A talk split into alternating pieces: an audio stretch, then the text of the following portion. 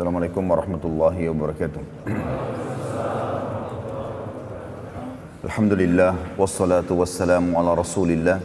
Segala puji bagi Allah Subhanahu wa taala juga salawat dan taslim kepada Nabi besar Muhammad sallallahu alaihi wasallam. Melanjutkan bahasan sirah nabawi dan ini adalah bahasan-bahasan penutup dalam kajian sirah kita. Semoga Allah SWT berkahi dan kita akan memasuk insya Allah ke kisah wafatnya Nabi alaihi salatu wassalam. Salah satu ya, masalah dan musibah terbesar bagi umat manusia bukan cuma umat Islam dengan perginya Nabi alaihi salatu wassalam. Tapi alhamdulillah agama telah disempurnakan oleh Allah Subhanahu wa taala. Sebelum saya masuk ke masalah ini, tadi dalam bahasan kita di pagi hari, masalah haji wadaknya Nabi alaihi salatu wassalam, ada ayat-ayat Al-Quran yang berbicara masalah haji yang belum saya bahas dan saya akan bacakan dulu beberapa ayat dalam surah Al-Baqarah karena memang itu berhubungan sekali dengan bahasan hajinya Nabi alaihi salatu wassalam yaitu surah Al-Baqarah surah nomor 2 ayat 196 dimulai dari 196 A'udzu billahi minasyaitonir rajim Bismillahirrahmanirrahim. Wa atimmul hajja wal umrata lillah. Fa in uhsirtum famastaysara minal hadi ولا تحلقوا رؤوسكم حتى يبلغ الهدي محله فمن كان منكم مريضا أو به أذى من رأسه ففدية من صيام أو صدقة أو نسك. فإذا أمنتم فمن تمتع بالعمرة إلى الحج فما استيسر من الهدي. ومن لم يجد فصيام ثلاثة أيام في الحج وسبعة إذا رجعتم تلك عشرة كاملة. ذلك لمن لم يكن أهله حاضر المسجد الحرام. Wattaqullaha wa'lamu annallaha syadidul iqab. Yang artinya itu ayat 196-nya dan sempurnakanlah ibadah haji dan umrah karena Allah. Dan jika kamu terkepung atau terhalang oleh musuh atau karena sakit maka sembelihlah korban yang mudah didapat agar bisa membuka kain ihram dan pulang ke negara masing-masing.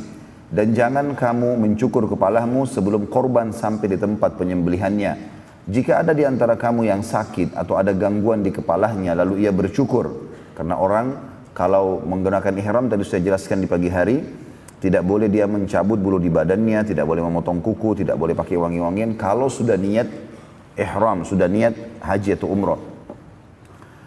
Maka kalaupun dia sampai mencukur rambutnya, maka dia harus berfidyah, yaitu berpuasa atau bersedekah atau berkorban. Apabila kamu telah merasa aman, tidak ada lagi musuh yang akan menahanmu untuk pergi haji atau umrah, maka barang siapa yang ingin mengerjakan umrah sebelum haji, di dalam bulan haji, wajiblah ia menyembelih korban yang mudah didapat.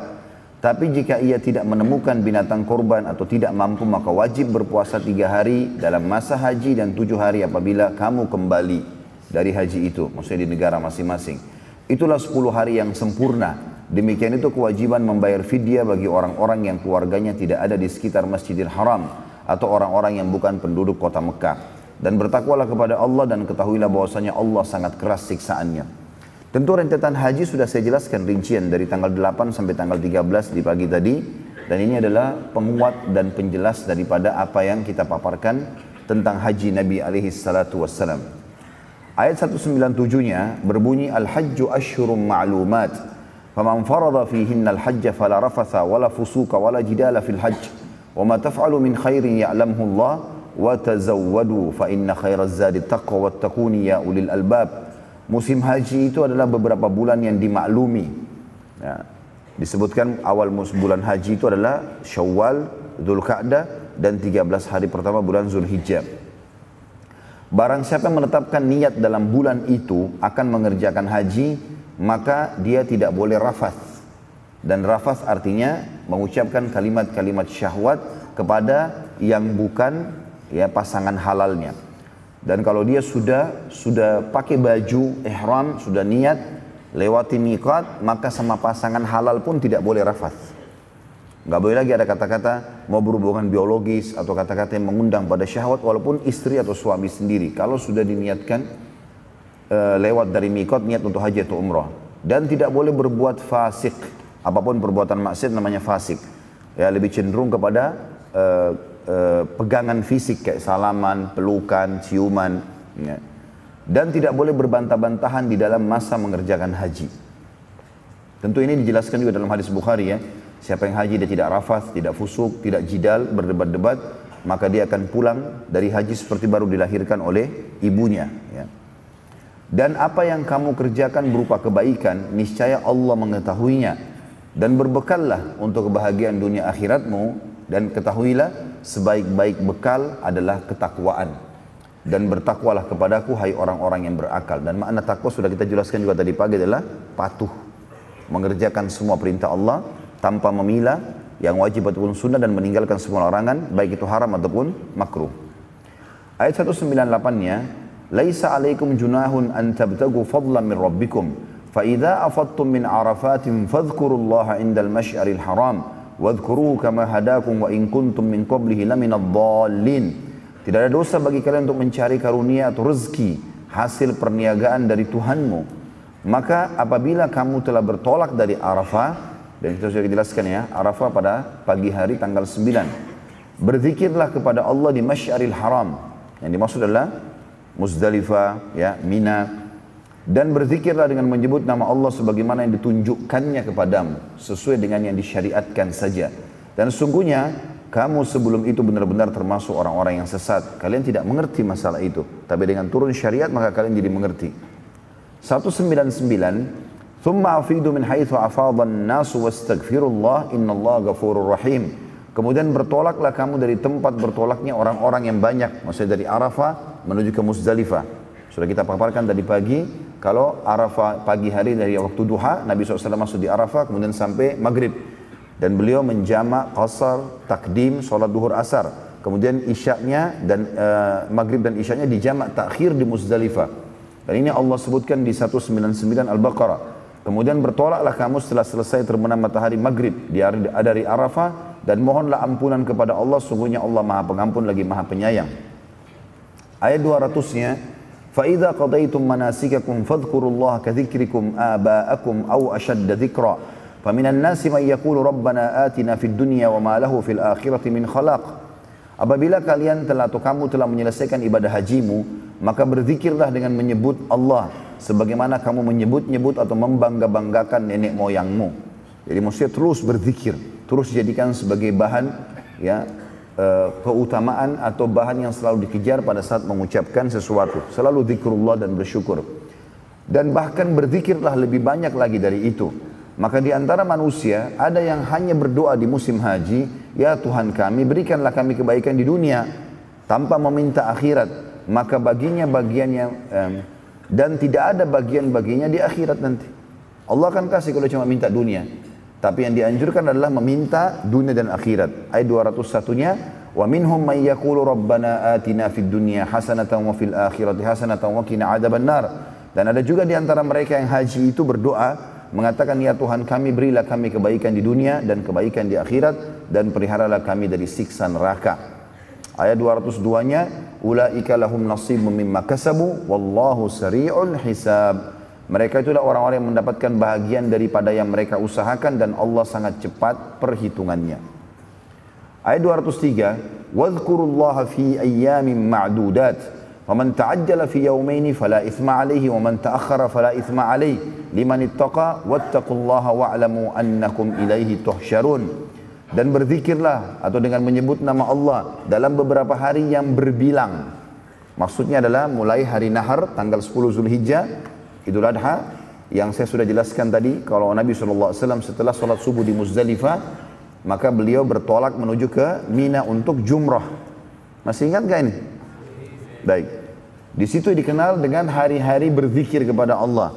Mulai hari itu setelah jumrah beliau tahallul alaihissalam lalu beliau melakukan tawaf ya ifadah atau wajib haji kemudian beliau menyembeli lalu kemudian di hari-hari tasyrik 11 12 13 beliau berzikir kepada Allah SWT dengan melakukan juga jumrah. Ya di tanggal 11 12 13 tapi pada saat itu sudah menjadi tiga kecil sedang besar. Sementara tanggal 10 nya hanya yang besar saja. Allah mengatakan dan berzikirlah dengan menyebut Allah dalam beberapa hari yang berbilang barang siapa yang ingin cepat ya berangkat dari Mina setelah dua hari maksudnya tanggal 12 Zulhijjah, maka tidak ada dosa baginya. Saya juga sudah jelaskan ini di Indonesia diistilahkan dengan nafar awal, ya. Tanggal 12 Zulhijjah, mereka yang sudah mau keluar dari Mina boleh. Dan Barang siapa yang ingin menangguhkan keberangkatannya dari dua hari itu sampai tanggal 13, maka tidak ada dosa pula baginya dan itu bagi orang yang bertakwa. Artinya pahalanya lebih besar dan bertakwalah kepada Allah, ketahuilah dan ketahuilah bahwasanya kamu akan dikumpulkan kepadanya. Jadi ayat-ayat ini berbicara tentang masalah haji tentunya melengkapkan bahasan kita sebelumnya karena saya belum sempat membacakan tadi pagi ayat-ayat ini.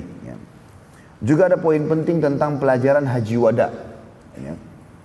Pelajaran penting dari kejadian haji wada. Yang pertama, wajibnya haji bagi setiap muslim yang mampu. Karena dimasukkan dalam salah satu rukun Islam. Dan Nabi SAW mencontohkannya secara langsung. Walaupun ini haji pertama dan haji terakhir baginda Nabi SAW. Dan kita sudah tahu ini kewajiban tentunya. Dan cukup banyak hadis Bukhari Muslim yang menjelaskan masalah itu. Di antaranya Islam berdiri di atas lima dasar. Syahadat, solat, puasa Ramadan, zakat dan juga haji bagi yang mampu. Ya. Maka ini tentu ibadah yang sangat ditekankan. Ini pelajaran pertama dari haji wada Nabi SAW. Yang kedua, tersempurnakannya agama Islam di haji wada itu. Sebagaimana sudah kita jelaskan turun surah Al-Ma'idah ayat berapa? ayat 3 ya tentang pengharaman hewan-hewan ya yang e, ter, tercekik, jatuh dan seterusnya yang sudah kita jelaskan dan turunnya ayat hari ini aku sempurnakan agama kalian. Ini yang kedua tentang sempurnanya agama Islam. Yang ketiga padatnya wasiat Nabi alaihi dan sudah kita rincikan ya khutbah Nabi SAW di Namirah di Arafah Semuanya dari hal-hal yang berhubungan dengan hubungan dengan Allah Subhanahu wa taala sampai ditutup dengan kasus masalah rumah tangga, hak dan kewajiban suami istri dan sudah kita paparkan juga panjang lebar tentang poin-poin ini pada pertemuan kita sebelumnya. Ini juga pelajaran dari haji wada. Ya. Yang keempat, yang diambil pelajaran di sini adalah setelah pulang dari haji wada, Nabi alaihissalam masuk dalam proses kematian dengan sakit. Dan ini juga sudah diambil dari khutbah beliau sendiri di Namira yang beliau mengatakan di awal khutbahnya setelah memuji Allah Subhanahu wa taala dan juga salawat untuk diri beliau sallallahu alaihi wasallam beliau mengatakan wahai manusia dengarkanlah baik-baik karena aku tidak akan menemui kalian lagi setelah tahun ini di tempatku ini. Ya artinya aku tidak akan sampai di musim haji tahun depan. Ya, dan ini juga penyampaian Nabi SAW tentang wafat. Dan tentu wafatnya Nabi SAW berarti tentu risalah langit sudah sempurna. Ya, dan ini yang menyebabkan yang menyebabkan Abu Bakar radhiyallahu menangis. Sebagaimana akan kita jelaskan nanti. Ini pelajaran-pelajaran penting dari masalah haji wada. Sekarang kita masuk teman-teman sekalian ke kisah yang agung sekali tentang wafatnya manusia terbaik pilihan Allah Subhanahu wa taala pemimpin anak Adam ya baik di dunia maupun di akhirat nantinya dan beruntunglah kita menjadi pengikut manusia terbaik ini. Malam hari dari hari pembentukan pasukan Usama bin Zaid. Saya sudah jelaskan juga di akhir penutupan ceramah kita tadi pagi, bahwasanya waktu Nabi SAW pulang awal bulan Muharram ke Madinah, maka beliau tidak ada kegiatan apa-apa, tapi awal bulan Safar, bulan kedua beliau membentuk pasukan untuk menyerang wilayah mana? Hah? Ada yang ingat gak? Hah? Apa nama wilayahnya? Hah? Siapa yang nyaut tuh? Ya, Pak. Hah? Balik papan.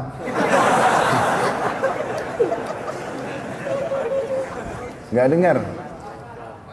Balkan, ahsan. Sebab sama banyak kan? Kasih buku tolong. Baik, Nabi SAW membentuk pasukan Usama bin Zaid radhiyallahu anhu untuk ke Balkan, daerah Palestina. Dan tujuan utama adalah merebut Baitul Maqdis dari jajahan pada saat itu atau di bawah naungan pasukan Romawi. Karena wilayah Tabuk orang-orang Romawi sudah tidak berani melawan Nabi SAW. Maka Nabi membentuk pasukan untuk ke sana. Dan sudah kita jelaskan juga hadis terakhir penyebutan Nabi SAW masalah itu pada saat beberapa sahabat ada yang sempat ya bukan memprotes tapi mengatakan bagaimana bisa di dalam pasukan ada Abu Bakar, ada Umar, ada Uthman, ada Ali, ada Talha, ada Zubair, ada sahabat-sahabat mulia senior semua. Lalu dipimpin pasukan perang oleh Usama bin Zaid yang umurnya masih 18 tahun pada saat itu. Maka Nabi SAW pun bersabda pada saat itu, telah sampai berita kepadaku begini dan begitu ketahuilah Usama sama dengan ayahnya. Zaid layak untuk memimpin pasukan. Maka pada malam itu, tentu pasukan Usama bin Zaid sudah disuruh keluar oleh Nabi SAW. Begitu keluar dari kota Madinah, mereka berkemah di luar kota Madinah. Dan termasuk sunnah Nabi SAW, beliau selalu keluar dari kota Madinah dan sebelum belum berapa jauh dari Madinah beliau istirahat dulu. Dan sering kali beliau menjamak sholat di luar Madinah. Maka pasukan Usama pun sampai di situ. Di malam itu, di bulan Safar, pada saat pasukan Usama bin Zaid diutus oleh Nabi SAW keluar dari Madinah, maka Nabi SAW berkata kepada Abu Muwaidah. Abu Muwaidah ini adalah salah satu mantan budak Nabi SAW. Jadi diistilahkan Abu Muwaidah maulan Nabi SAW. Orang ini sering kali menemani Nabi SAW di akhir hidupnya. Dan pada saat itu Nabi SAW sedang berdua dengannya dan dia meriwayatkan hadis radhiyallahu anhu mengatakan bahwasanya Nabi SAW berkata kepada aku di malam itu aku ingin mengunjungi kuburan Baki kuburan para sahabat yang berada dekat masjid Nabi SAW yang sangat masyhur dan kita dianjurkan untuk menziarahi kuburan Baki kalau kita sedang ada karena Nabi SAW merutinkan menziarahi Baki ya sering kali dalam satu pekan dua kali dan ini malam beliau mengutus pasukan Usama berkata kepada Abu Muwaidah, aku ingin mengunjungi kuburan Baki dan memohon ampun kepada Allah untuk mereka. Dan ini juga keluar sunnah kita mendoakan agar orang yang sudah mati pada saat kita ziarah kubur agar diampuni dosa-dosanya. Pada saat tiba di Baki, Rasulullah SAW berdoa kebaikan dan rahmat untuk penghuni Baki serta memohon ampun untuk mereka.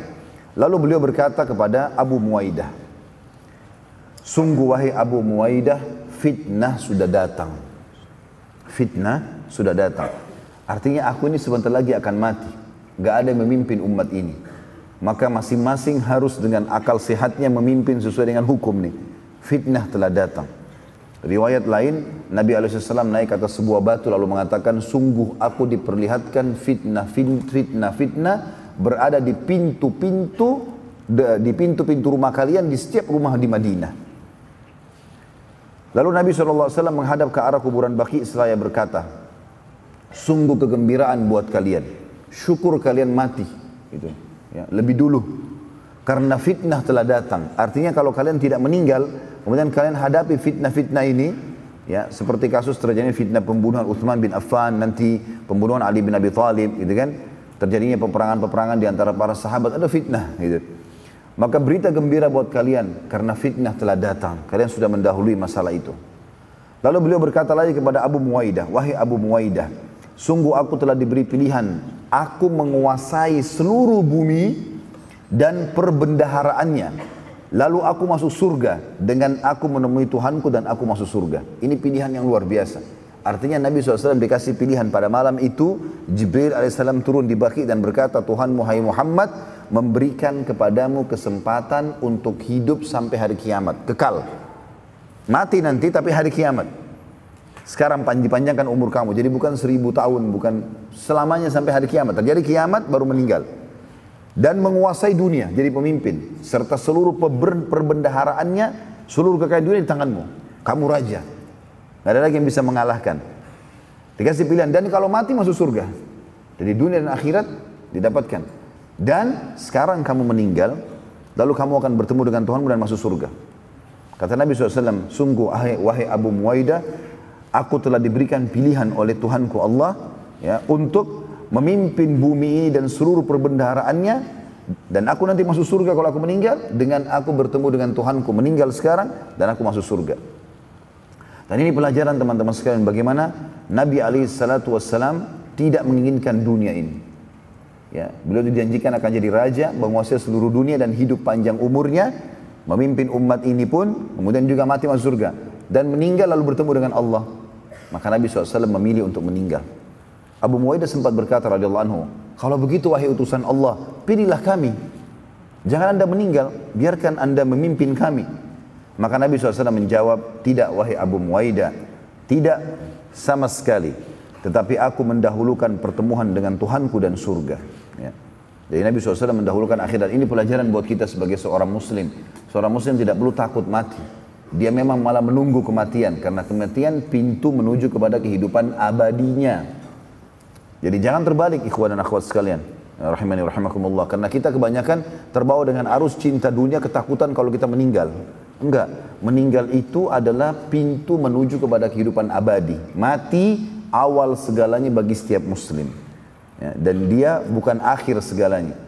Banyak orang menganggap kalau meninggal berarti akhir segalanya. Tidak. Justru awal segalanya. Karena akan abadi dan dia akan mendapatkan amal-amal soleh yang sudah pernah dilakukan ya, dia juga akan mendapatkan janji-janji Allah dan hidup abadi.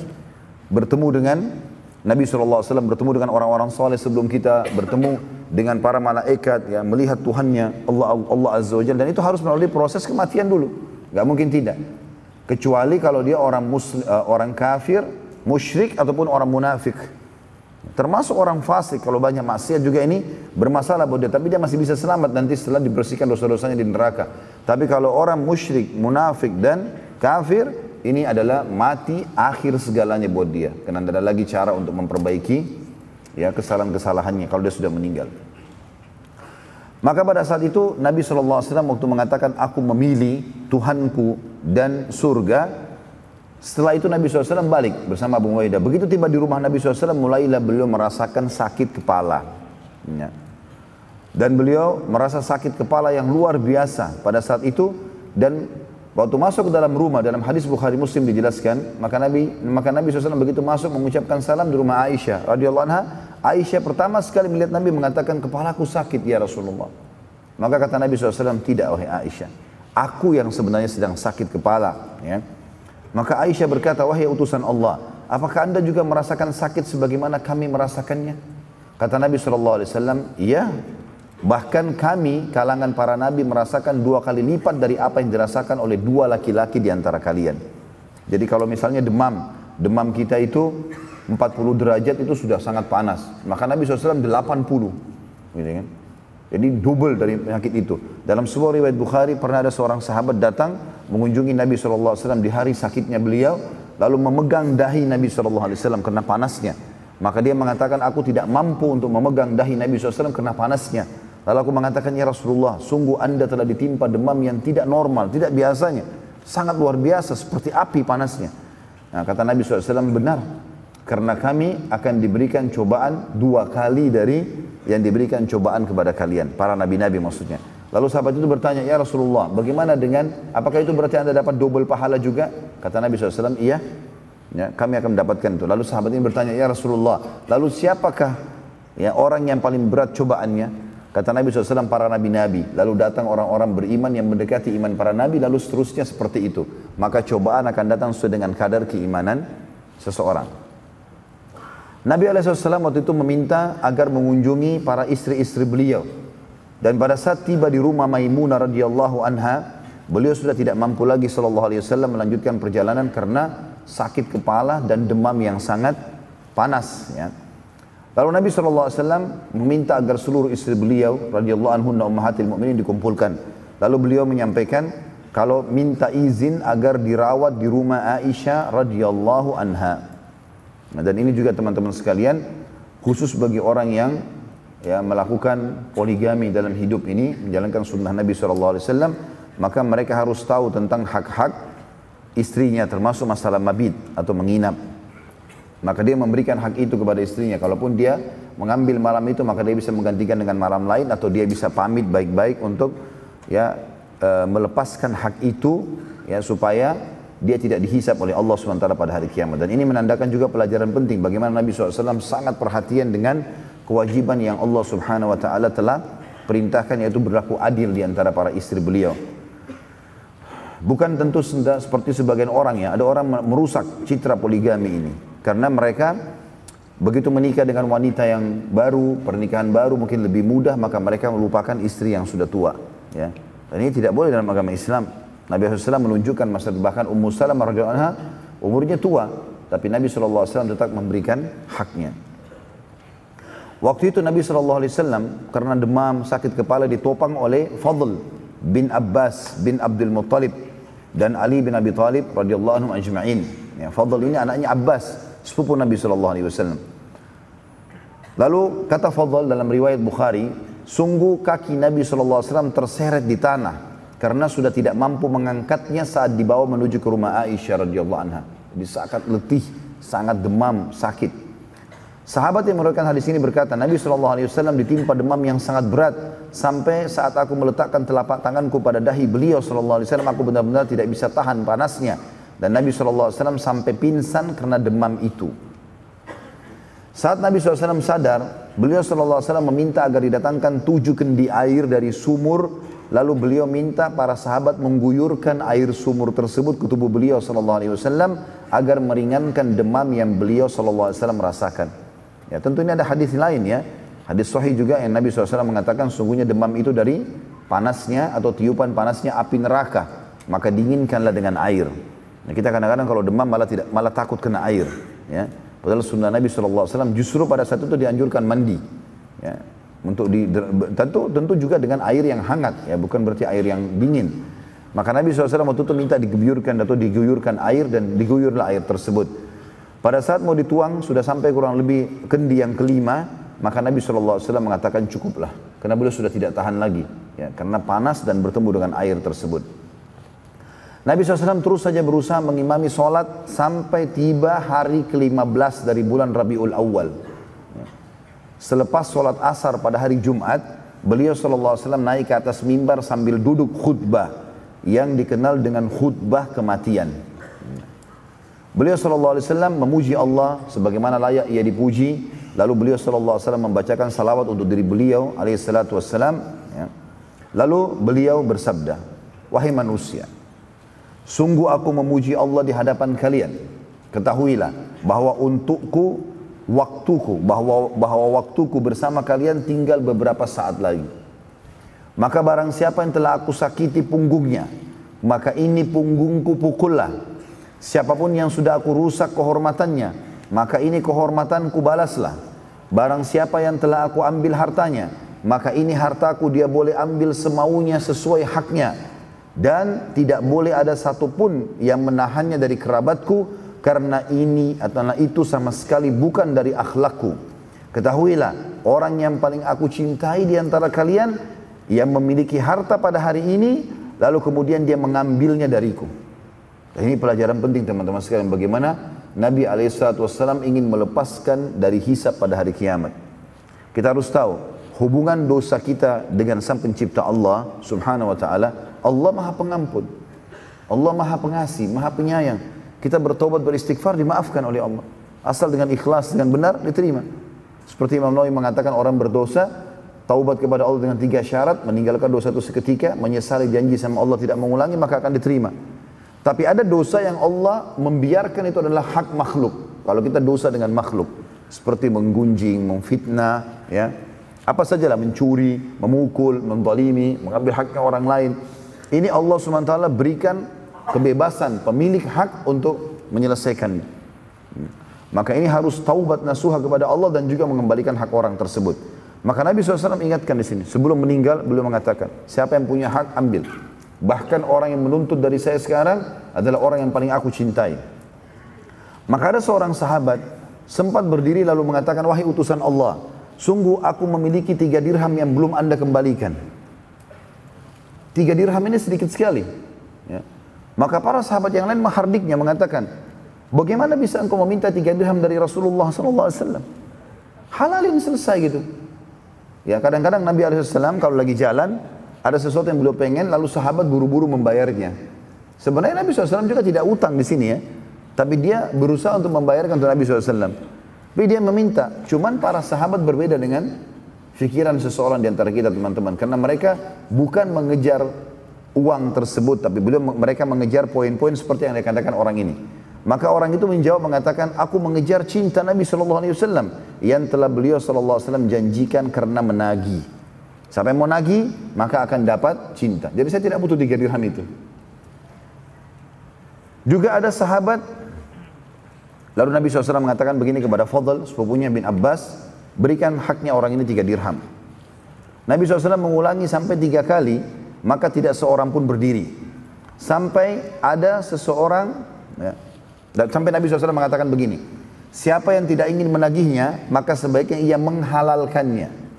Jadi Nabi SAW betul-betul membersihkan dirinya. Kalau ada yang hadir, punya hak, ya dia tidak mau nagih karena tidak tidak tega dengan saya atau apa pun, maka harusnya dia menghalalkannya. Dan ketahuilah, walau ia menghalalkannya, maka itu tidak berguna untukku hari kiamat.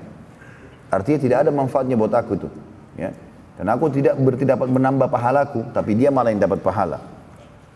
Dan di sini kita lihat teman-teman bagaimana jelinya baginda Nabi SAW dalam menyelesaikan urusannya dengan manusia sebelum wafat dan beliau SAW mengajarkan bahwa walau dimaafkan tetap akan dihadapkan oleh Allah semua amal seseorang, seseorang dan diperlihatkan kepadanya hari kiamat. Jadi misalnya antum pernah punya masalah sama seseorang, lalu antum mengatakan maafin saya, dia mengatakan baiklah, saya sudah maafkan. Ya.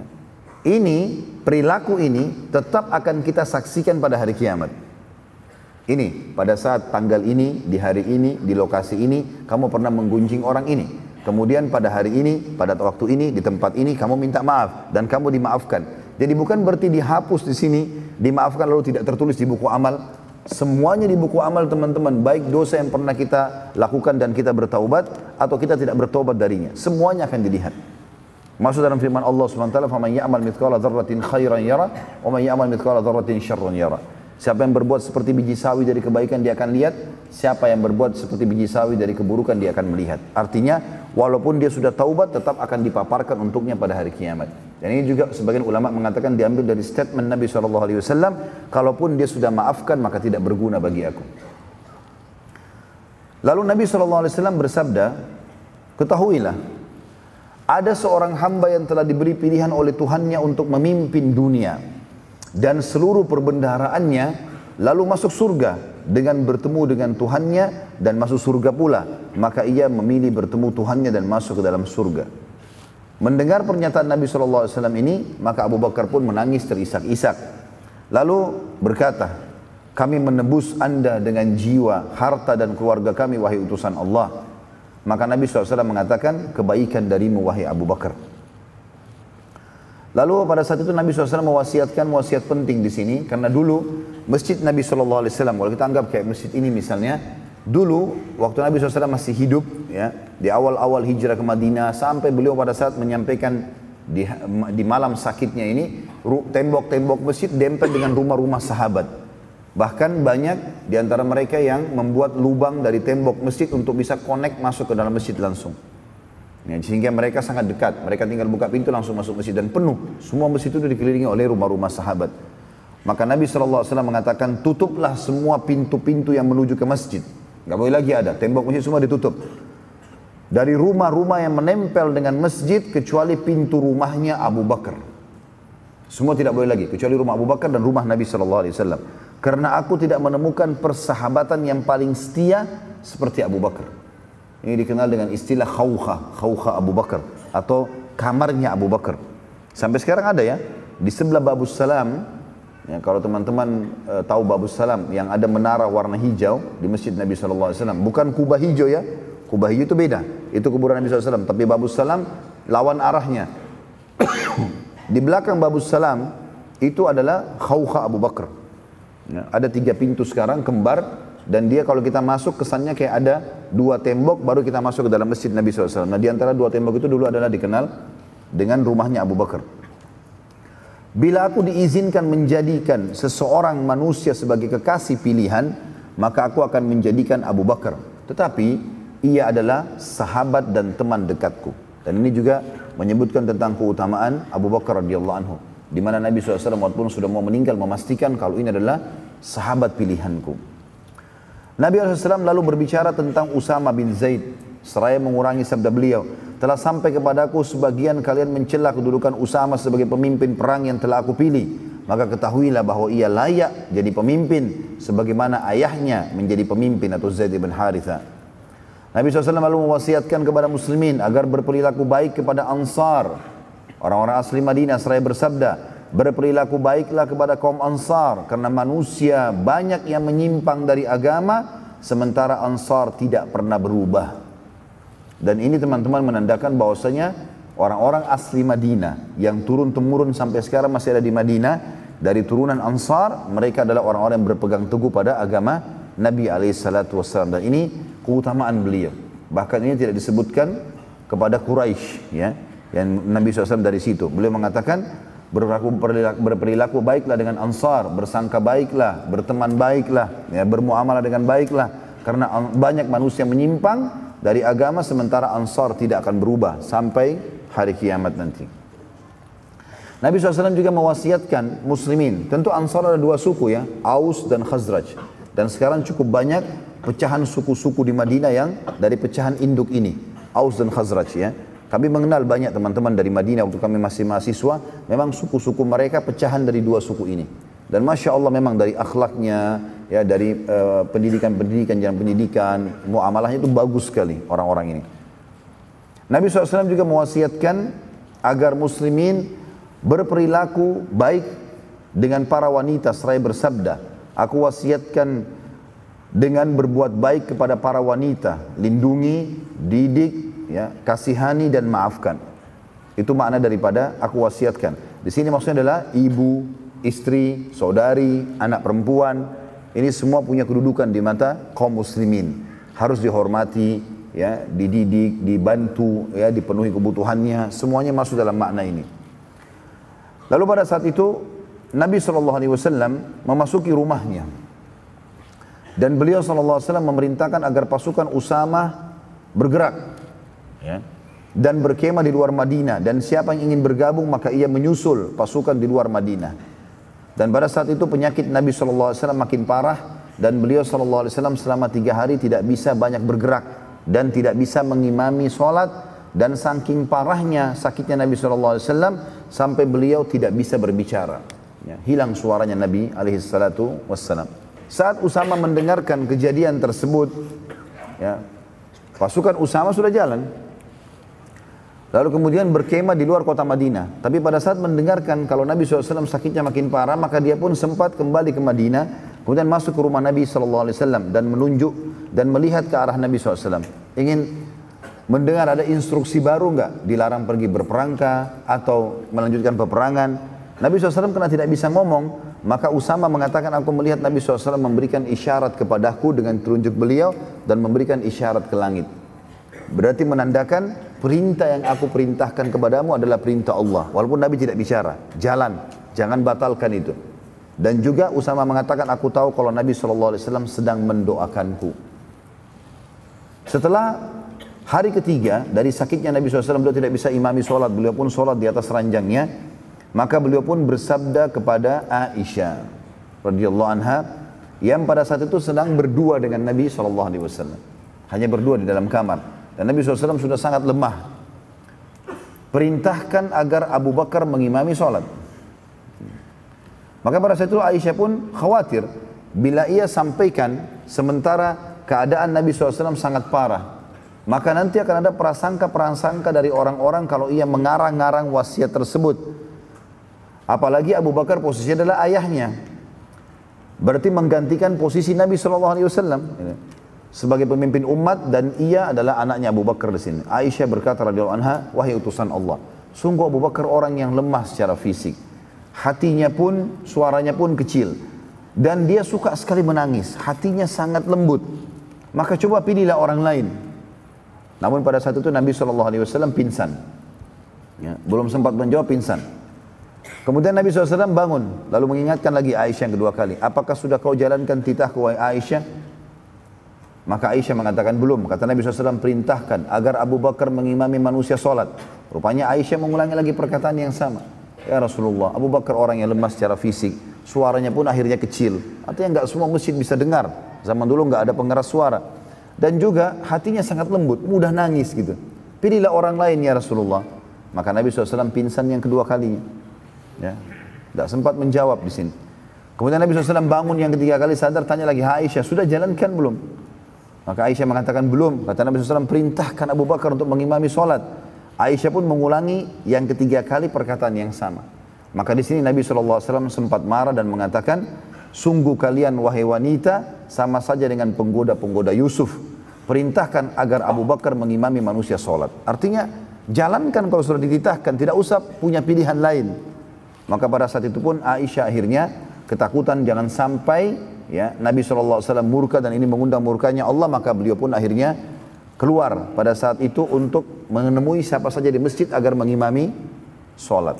Ya. Maka Aisyah radhiyallahu anha setelah mendengar teguran Nabi alaihi salatu wasallam yang tegas kepada beliau, maka dia pun ketakutan dan memang perlu digarisbawahi ini pelajaran juga. Tentu Aisyah radhiyallahu anha di sini bukan dinilai sebuah uh, perilaku yang buruk akhirnya langsung difonis orang yang tidak patuh kepada Nabi alaihi salatu wasallam. Karena kondisi pada saat itu adalah Aisyah bersama dengan Nabi SAW di dalam kamar. Kondisi Nabi SAW lagi sakit parah dan dikhawatirkan nanti masyarakat ada yang atau mau muslimin memikirkan berpikir kalau Aisyah mengarang-arang ya wasiat tersebut. Dan beliau juga dengan santun menyampaikan kepada Nabi SAW, ya Rasulullah, Abu Bakar orang yang lemah secara fisik, berarti otomatis suaranya pun kecil, tidak kedengaran, hatinya lembut, suka menangis. Pilihlah orang lain, gitu kan. Walaupun sebenarnya kalau kita kembali kepada hukum agama yang asli, ya yang sebenarnya kalau sudah titah Allah dan Rasulnya tidak boleh dibantah. Mau berat, mau ringan, ya maka semua diterima. Karena Allah Subhanahu Wa Taala menyebutkan dalam surah Al-Ahzab, surah nomor 33 ayat 36. A'udzu billahi minasyaitonir rajim wa ma kana lil mu'minin wala mu'minatin idza Allahu wa rasuluhu amran an yakuna lahumul khiyaratu min amrihim. Wa wa rasulahu faqad dhalla dhalalan mubina. Dan tidaklah patut bagi laki-laki mukmin dan tidak pula bagi perempuan mukminah. Apabila Allah dan Rasulnya telah menetapkan satu ketetapan akan ada bagi mereka pilihan yang lain tentang urusan mereka dan barang siapa yang mendurhakai Allah dan Rasulnya maka sungguh dia telah sesat dengan sesat kesesatan yang nyata jadi di sini jelas sekali ayat ini menekankan kalau sudah titah dari Nabi SAW atau ya tentu di awal dari titah Allah SWT dan titah Nabi SAW maka otomatis seorang mukmin tidak ada pilihan lain. Haram haram selesai ditinggalkan. Kalau mau lakukan berarti dia tahu konsekuensi hukumnya. Maka Aisyah radhiyallahu anha karena ketakutan pada saat itu beliau pun akhirnya keluar dari rumah dan orang yang pertama ditemui dari pintu rumah Nabi SAW, rumah Aisyah yang dibuka langsung ke masjid adalah sepupu Nabi SAW yang bernama Abdullah bin Zum'ah radhiyallahu anhu.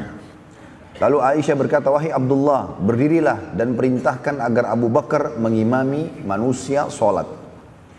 Abdullah waktu itu, dia men, dia mencari di masjid tidak menemukan Abu Bakar dan sudah tiba waktu sholat. Maka kebetulan karena Abu Bakar itu berada di luar kota Madinah, ya, atau dalam buku-buku sirah sebagian dikatakan di luar benteng Madinah, karena dulu Madinah memiliki benteng. Keluar dari situ di arah kebun beliau radhiyallahu anhu, maka Abdullah melihat atau mencari siapa kira-kira yang lebih baik setelah Abu Bakar. Maka dia pun menemukan Umar bin Khattab ada di masjid. Maka Abdullah mengatakan, "Wahai Umar, berdirilah dan imamilah manusia." Di sini juga pelajaran teman-teman sekalian ya. Kalau instruksi terarahkan kepada satu orang dan instruksi ini memang penting sekali, seperti mengimami sholat itu penting sekali, gitu kan? ternyata tidak ditemukan orangnya, maka semestinya dia harus berusaha dulu. Terus saja, karena ini perintah dari Nabi SAW. Kalau tidak bisa, maka harus kembali menanyakan, kira-kira kalau tidak ada siapa yang akan menggantikan. Tapi di sini, Abdullah radhiyallahu anhu beristihad. Beliau lalu melihat, kayaknya Abu Bakar tidak ada nih, keliling masjid nggak ada. Nggak sempat keluar masjid, nggak sempat nanyakan, nggak sempat keluar Madinah. Maka dia lihat ada Umar, langsung dia bilang, Hai Umar, berdirilah imamilah sholat. Umar pun berpikir karena Abdullah sepupu Nabi Shallallahu Alaihi Wasallam, maka dia pun mengira bahwasanya ini adalah perintah dari Nabi Alaihi Wasallam. Dan Umar orangnya jahur, suaranya keras. Maka Umar pun waktu iqamah salat mengimami salat dan Nabi SAW dengar suaranya Umar, bukan suaranya Abu Bakar jadi imam. Maka Nabi SAW pada saat itu mengangkat suara beliau semampu mungkin sambil mengatakan, Sungguh Allah dan Rasulnya menolak menjadi imam kecuali Abu Bakar. Ya. Maka Nabi SAW dan Nabi SAW mengulang ini sampai tiga kali. Dan yang keempat beliau mengatakan, mana Abu Bakar? Padahal Umar bin Khattab lagi jadi imam pada saat itu. Dan Nabi SAW tegas di sini, tidak boleh. Abu Bakar saja. Allah dan Rasulnya tidak menerima kecuali Abu Bakar. Dan ini teman-teman sekalian, ulama mengatakan ini termasuk dalil yang sangat sorry, yang sangat jelas. Kalau pemimpin setelah meninggal Nabi SAW hanya Abu Bakar. Ya, karena pada saat itu pemimpin sholat, mengimami sholat. Ini sudah saya jelaskan pada saat memaparkan materi tentang ke, kriteria pemimpin dalam Islam. Di antaranya ya, dia bisa memimpin sholat. Lima waktu jadi imam, gitu kan. Karena Umar sudah terlanjur mengimami sholat pada saat itu, maka ia pun melanjutkan sholatnya. Lalu Abu Bakar dicari oleh Abdullah bin Zum'ah tadi kena merasa bersalah dan akhirnya menemui Abu Bakar ada di luar kota Madinah.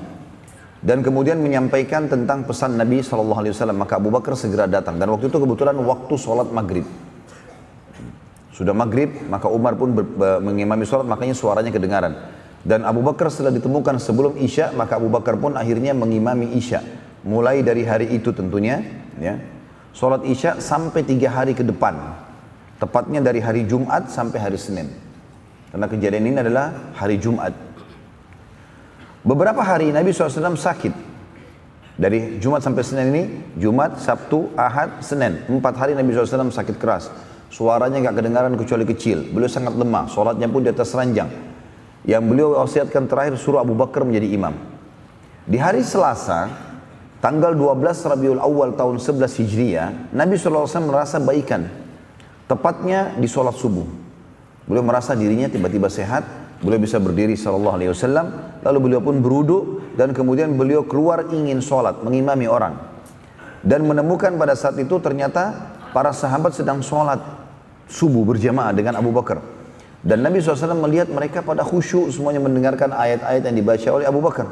Maka Nabi SAW sangat gembira melihat keadaan mereka. Artinya dengan kondisi seperti ini walaupun beliau meninggal beliau tidak akan merasa kehilangan umatnya.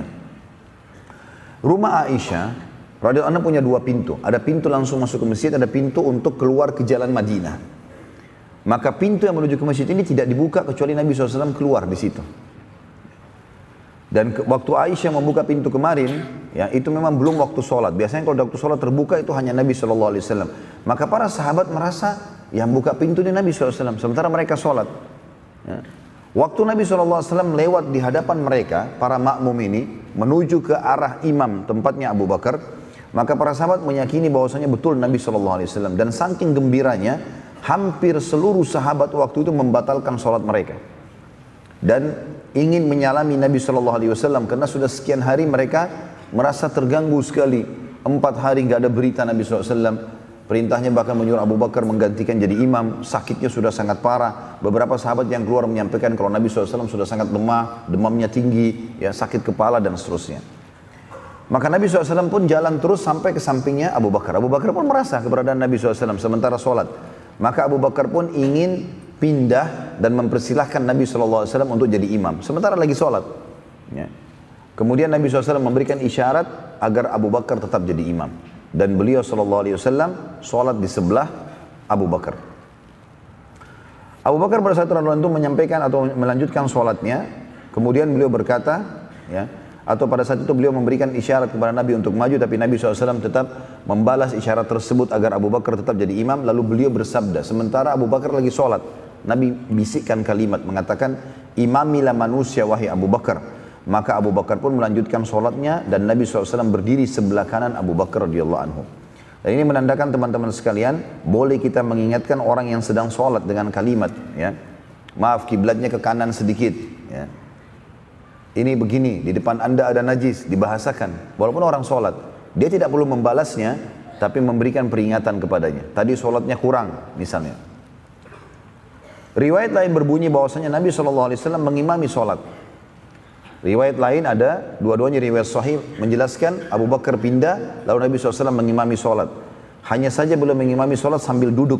Dan Abu Bakar anhu sholat berdiri sebelah kanan Nabi SAW seraya mengeraskan suara uh, agar makmum mengetahui gerakan Nabi SAW.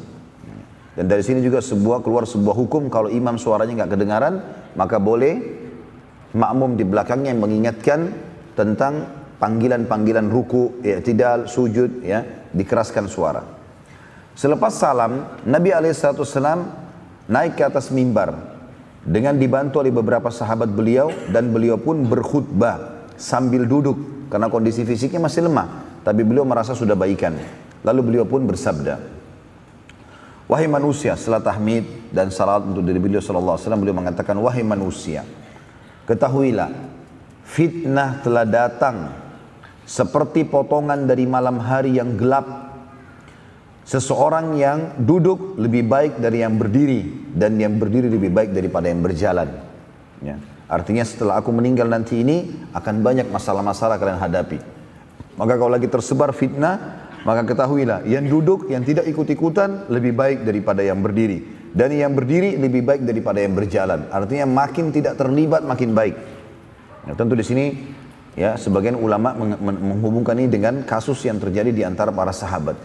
Ya. Ingatlah, jangan kalian memujiku melampaui batas setelah aku meninggal nanti. Sebagaimana Nasara atau Nasrani, orang-orang Kristen memuji Isa putra Maryam. Tadinya orang-orang Nasrani mengatakan Isa adalah Nabi Allah. Lama-lama karena cintanya sama Nabi Isa AS, mereka mengubah, mengatakan anaknya Allah. Hati-hati, jangan sampai kalian melampaui batas. Dan jangan pernah jadikan kuburanku sebagai hari raya. Dikunjungi dan merayakan sesuatu di kuburanku. Sesungguhnya Allah melaknat siapa pun yang menjadikan kuburan Nabi mereka sebagai hari raya.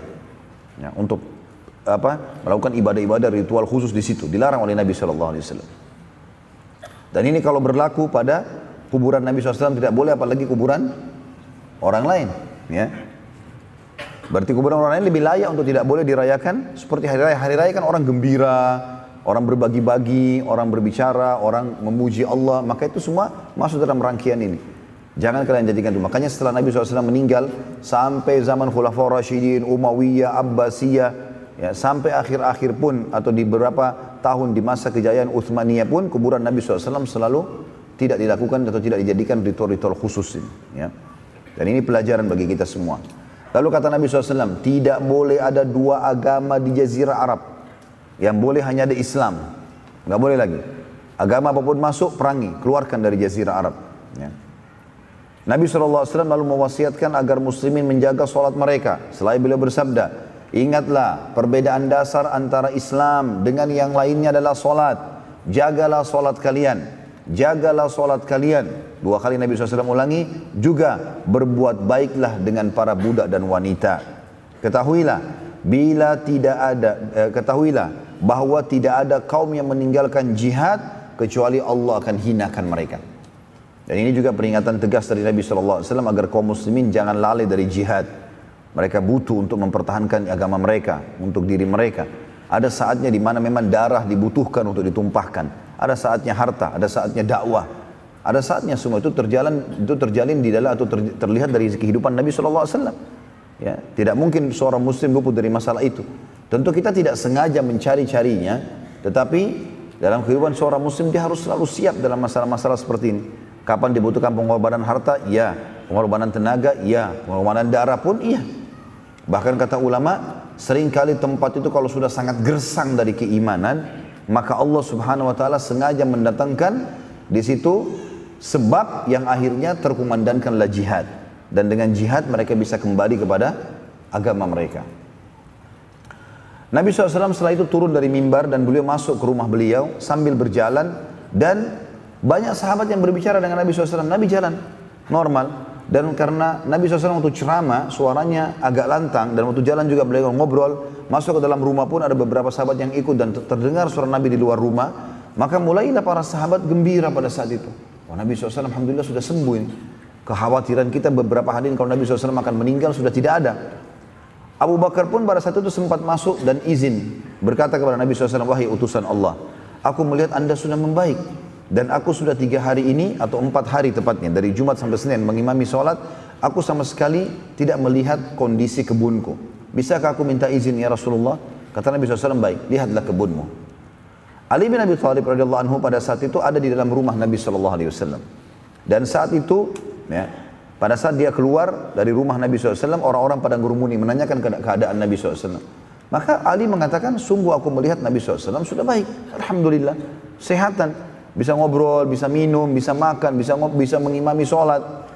Dengan info tersebut, maka mayoritas sahabat makin gembira. Dan mereka sudah mulai beraktivitas kembali. Tadinya, selama hari Jumat sampai hari Senin, ya sampai Nabi SAW hari Selasa mengimami sholat itu, mereka semuanya berkumpul di masjid. Sampai mereka tidak pulang ke rumah kecuali untuk istirahat malam, lalu mereka kembali lagi menunggu informasi tentang kesehatan Nabi SAW. Waktu orang semua sudah keluar, Lalu Abu Ali pun menjawab memberikan ketenangan bagi orang-orang pada saat itu. Maka Abbas datang radhiyallahu anhu majma'in. Paman Nabi SAW lalu berkata, "Wahai Ali, aku melihat engkau menenangkan orang-orang. Kata Ali, aku hanya menyampaikan apa yang aku lihat. Memang Nabi SAW sehat. Gitu kan? Maka Abbas berkata, wahai Ali, masuk dan temuilah Nabi SAW. Serta minta wasiat yang baik untuk kita keluarganya. Maksudnya minta agar Nabi tunjuk kita keluarganya menjadi khalifah atau pengganti setelah beliau meninggal. Dan minta supaya jadi pemimpin. Semua itu karena aku hai Ali mengetahui wajah kematian di keturunan Abdul Muttalib. Dan aku melihat dari wajah Nabi SAW tanda-tanda kematian itu. Maka Ali Radhiallahu mengatakan, wahai paman, kira-kira bila aku minta atau kita minta khalifah dari Nabi SAW. Lalu Nabi SAW keluarkan sebuah statement, kalau kalian tidak boleh menjadi khalifah, maka demi Allah kita akan terharamkan selamanya dari kekhalifaan. Maka lebih baik kita jangan minta, biarkan alami saja. Karena kalau Nabi SAW mengatakan tidak boleh kalian dari keturunanku jadi pemimpin, maka akan jadi masalah buat kita. Maka Abbas pun mengatakan engkau benar. Maka tidak usah kita bicarakan kepada Nabi alaihissalatu wassalam. Waktu itu, waktu orang semua sudah bubar, ya, pada saat itu, maka Nabi SAW kembali merasakan sakit. Dan pada saat itu sakitnya, seluruh tulang beliau SAW merasa lemah dan beliau pun bersandar di dada Aisyah radhiyallahu anha. Dan semua orang sudah keluar, tinggal Nabi SAW dengan Aisyah di situ. Waktu sementara bersandar di dada Nabi di dada Aisyah radhiyallahu anha, maka Abdurrahman bin Abi Bakar, anaknya dari anak Abu Bakar dan ini adalah saudaranya Aisyah, masuk ke dalam rumah tersebut dan memegang sebuah siwak dan mata Nabi SAW terarah ke siwak itu. Maka Aisyah mengatakan dalam hadis Bukhari, apakah anda ingin bersiwak wahai Rasulullah? Maka Nabi SAW memberikan isyarat dengan matanya. ya Dinaikkan, turunkan matanya bahwasanya mau. Maka Aisyah pun meminta dari Abdurrahman, lalu beliau, Aisyah melunakkan, memotong bagian atasnya lalu melunakkan, ujungnya lalu menggosokkan atau menyiwakkan Nabi alaihi salatu wassalam ya, pada saat itu. Dan ini menandakan teman-teman sunnah siwak ini menjaga bau mulut adalah hal yang sangat penting. Sampai Nabi SAW menjelang mati pun masih menjaganya. Dan dikatakan dalam riwayat-riwayat yang sahih beliau tidak pernah masuk rumah kecuali memulai dengan siwak. Beliau bangun tidur memulai dengan, memulai dengan siwak. Beliau bangun tidur, beliau mau tidur pun menggunakan siwak. Selalu menggunakan siwak. Bahkan kata Nabi SAW, kalau aku tidak menyusahkan umatku, maka aku akan suruh mereka bersiwak setiap kali mau sholat. Riwayat lain setiap kali mau udu. Maka ini penting. Tentu kalau kita tidak punya kayu siwak, yang dimaksud di sini adalah targetnya membersihkan mulut. Sebagian ulama mengatakan menggunakan sikat gigi. Ya. Jadi ini juga termasuk hal yang mendasar sekali. Bagaimana seseorang di antara kita pada saat ingin bertemu dengan seorang pemimpin maka dia menjaga bau mulutnya dan penampilan. Tapi bagaimana pada saat dia bangun sholat kemudian bau mulutnya keluar para malaikat juga ada ya sebagaimana sabda Nabi SAW malaikat terganggu dengan apa yang mengganggu manusia. Maksudnya bau-bau yang tidak sedap. Ya, bagaimana dia mengucapkan ayat-ayat Allah, bagaimana dia berdoa dalam kondisi mulutnya bau. Ya. Salah satu e, bab atau cabang dari muru'ah seseorang muslim menjaga hubungannya yang baik dengan Allah adalah bagaimana dia menjaga bau badannya, penampilannya di hadapan sang pencipta Allah. Allah akan memberikan nilai tersendiri di situ. Makanya Imam Malik rahimahullah, beliau kalau ingin menyampaikan hadis-hadis Nabi SAW, beliau mandi dan menggunakan baju yang baru. Gitu kan? Dan ditanya, kenapa anda lakukan ini? Oleh murid-muridnya beliau mengatakan, karena aku akan menyampaikan pesan-pesan dari Tuhanku yang disampaikan oleh utusannya Muhammad sallallahu alaihi wasallam.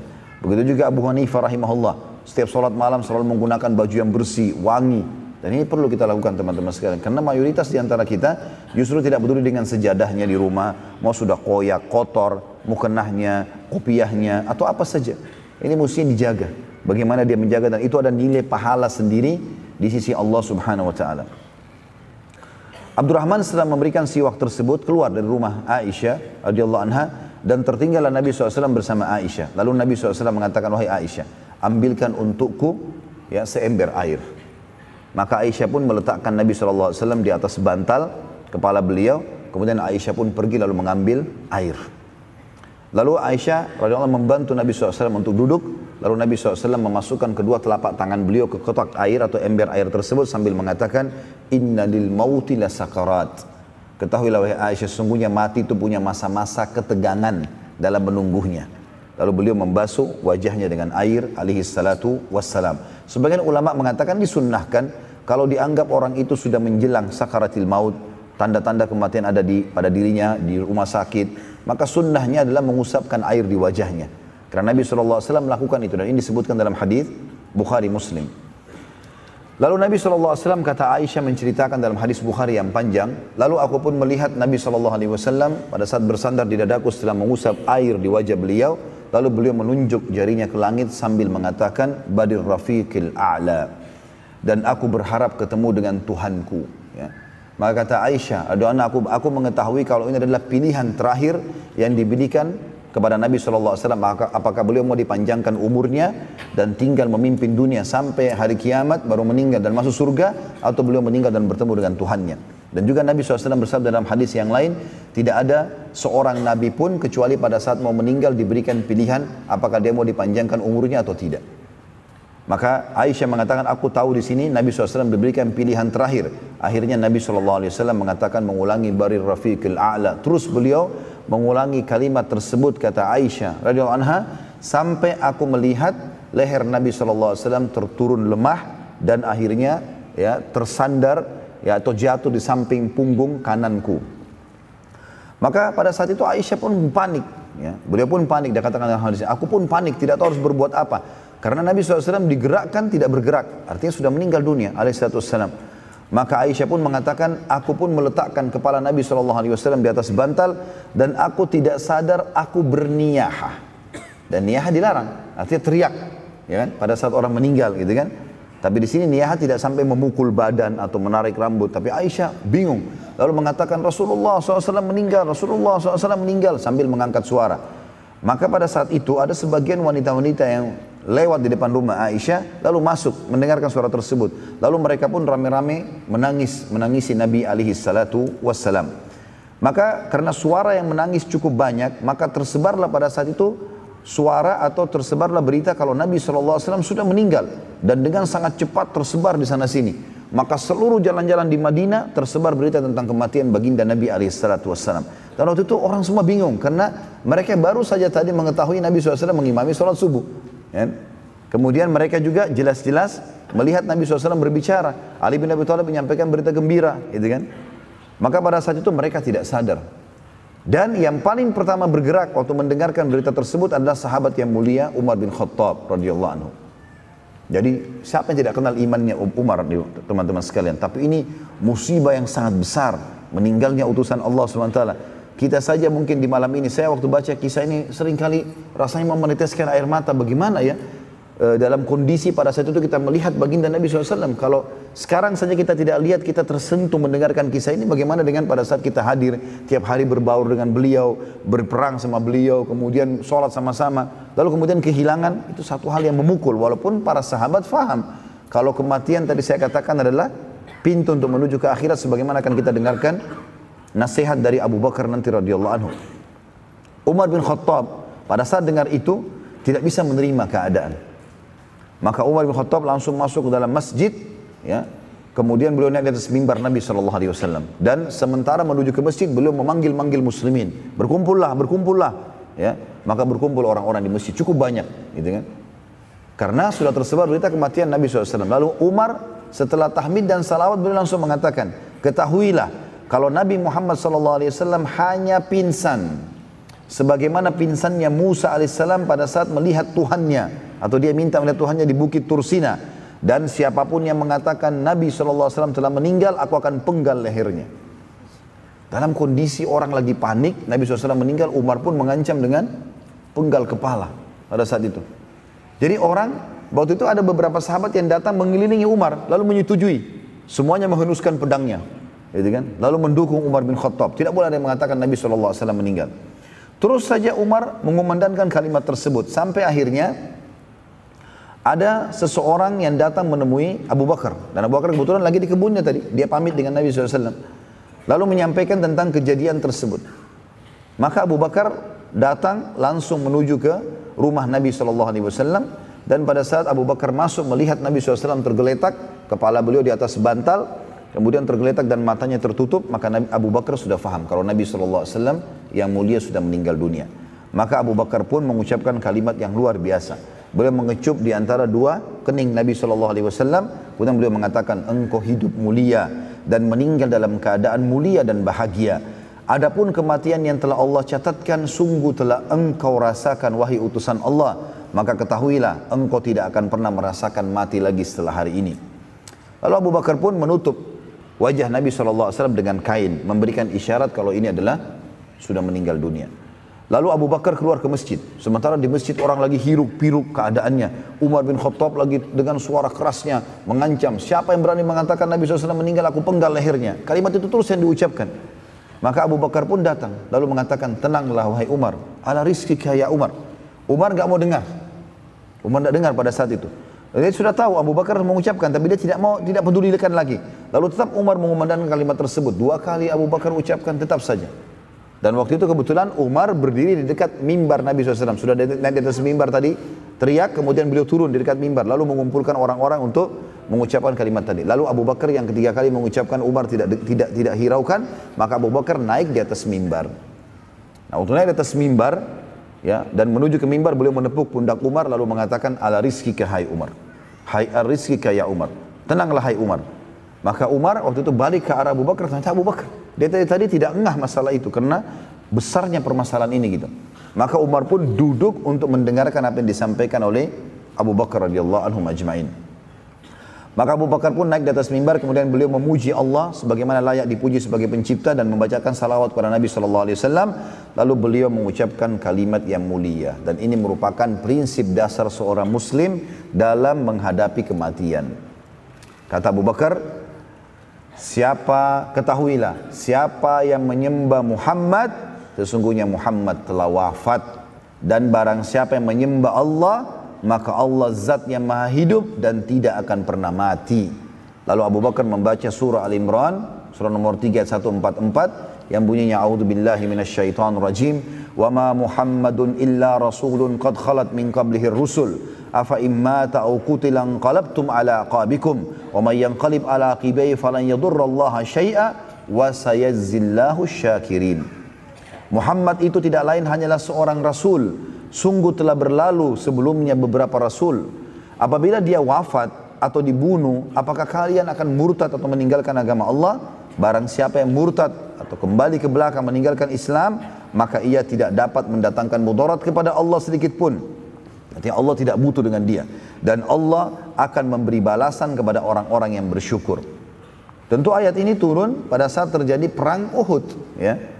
Bukan baru turun pada saat itu, turunnya pada saat terjadi perang Uhud. Waktu uh, muslimin terdesak setelah 43 orang pemanah Nabi SAW turun dari bukit pemanah dan sisa tujuh orang lalu dibunuh oleh pasukan Khalid bin Walid. Ya, kemudian mulailah pasukan muslimin kacau banyak yang terbunuh termasuk Nabi SAW sendiri waktu itu luka parah pundak beliau dihantam pedang dua kali oleh musuh Islam sampai beliau mengatakan aku merasakan sakitnya selama sebulan. Lalu kemudian juga daerah topi beliau topi besi dipukul dengan pedang sehingga menancap di pipi beliau alaihissalatu wassalam. Giginya sempat pecah dan keningnya pun berdarah alaihissalatu wassalam. Maka tersebar berita kalau Muhammad telah mati. Nah, pada saat itu turunlah ayat ini. Ya, apakah kalau Muhammad meninggal kalian akan murtad? Ya, dan seterusnya. Pada saat Umar bin Khattab mendengar ayat tersebut dibaca al Abu Bakar dia lagi berdiri kemudian dia pun terduduk sambil mengatakan apakah ayat ini ada dalam kitabullah? Jadi beliau bingung, apakah ayat ini ada dalam Al-Quran? Lalu ia menghadap kepada manusia, setelah itu menundukkan kepala dan berkata, Wahai sekalian manusia, sungguh benar utusan Allah telah meninggal. Lalu Umar berkata, saat ayat itu ter, ayat tersebut dibaca oleh Abu Bakar, maka seakan-akan aku baru mendengarnya saat itu padahal aku menghafalnya di luar kepalaku. Kejadian kematian Nabi SAW ini teman-teman sekalian sangat memukul jiwa kaum muslimin pada saat itu.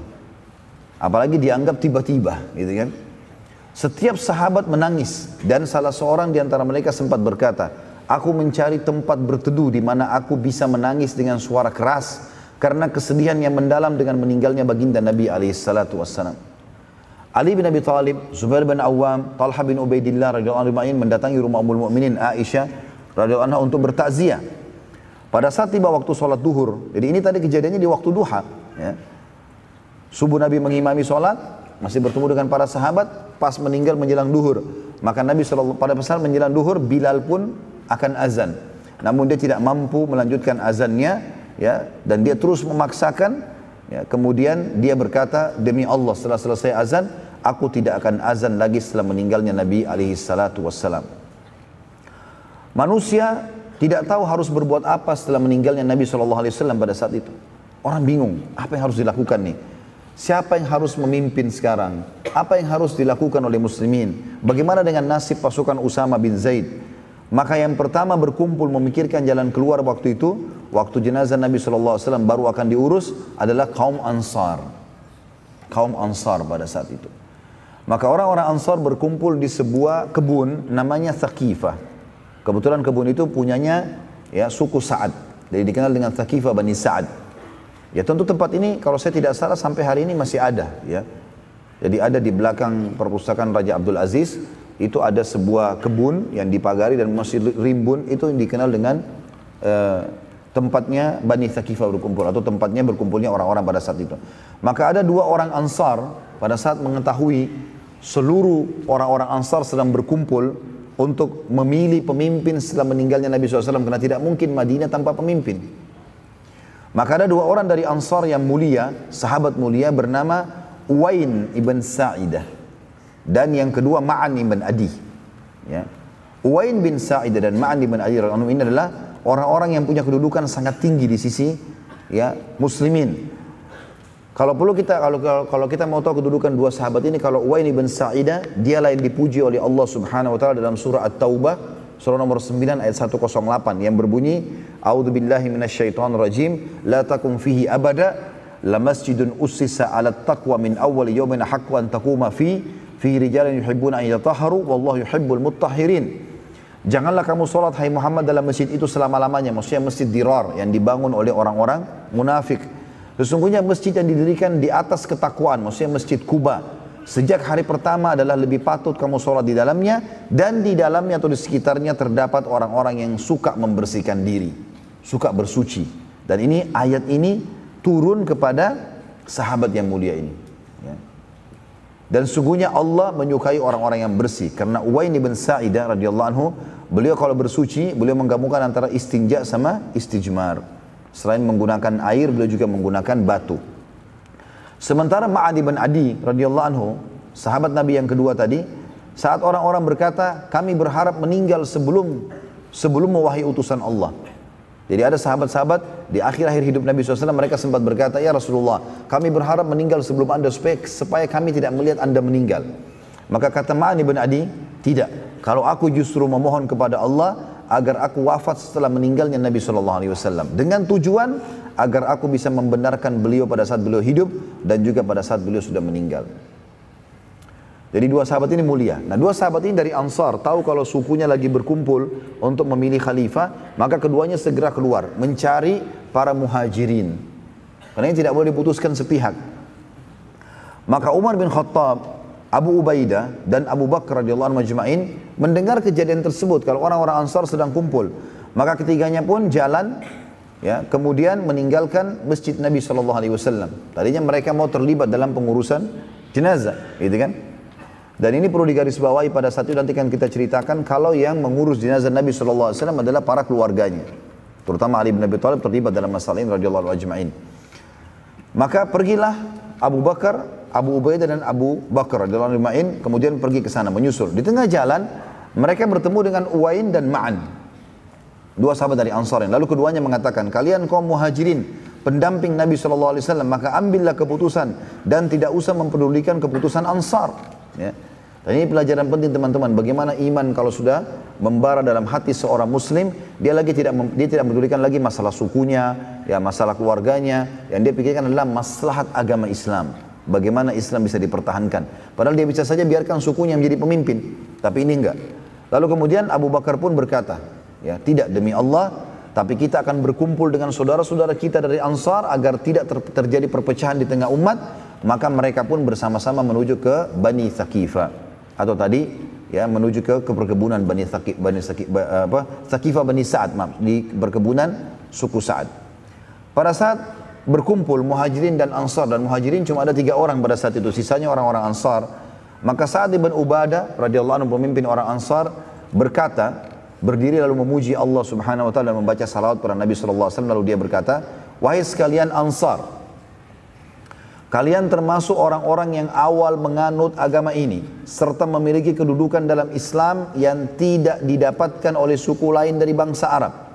Sesungguhnya Muhammad sallallahu alaihi wasallam telah menghabiskan beberapa tahun di kaumnya untuk mendakwai mereka di Mekah agar menyembah Ar-Rahman, zat yang Maha Penyayang Allah dan meninggalkan menyembah berhala sementara tidak beriman dari kaumnya kecuali sedikit saja dan mereka tidak mampu menolong Nabi sallallahu alaihi wasallam serta memenangkan agamanya. Juga mereka tidak mampu menolak keburukan yang terarahkan kepada mereka sampai Allah menghadirkan kalian dan memberikan kesempatan mulia dan melimpahkan nikmat ya. Dengan mengaruniakan kepada kalian beriman kepada Allah kepada Rasulnya serta menolongnya ya, menolong Nabi SAW juga para sahabat-sahabatnya hijrah dari Mekah serta mempertahankan agamanya juga berjihad melawan musuh-musuh musuh-musuhnya musuh Nabi SAW dan kalian sangat tegas dalam memperjuangkan agama Islam sampai seluruh jazirah Arab menganut agama Islam. Akhirnya Allah memuliakan agama dan membinasakan musuh-musuh dan membuat kalian berkuasa terhadap bangsa Arab. Serta Allah mematikan utusannya ya maksudnya Nabi SAW sementara ia Allah dan utusannya ridho pada kalian. Oleh karena itu Kalian adalah orang yang berhak atas keputusan kepemimpinan setelah meninggalnya Nabi Shallallahu Alaihi Wasallam, maka putuskanlah. Mendengar statement Sa'ad bin Ubadah radhiyallahu anhu, Umar bin Khattab berkata, Aku sudah menyusun jawaban dengan susunan kata-kata untuk menjawab perkataan atau pernyataan Sa'ad. Pada saat saat selesai, Umar bin Khattab ingin berdiri. Maka Abu Bakar pun menahan tangannya seraya berkata, Tenanglah wahai Umar.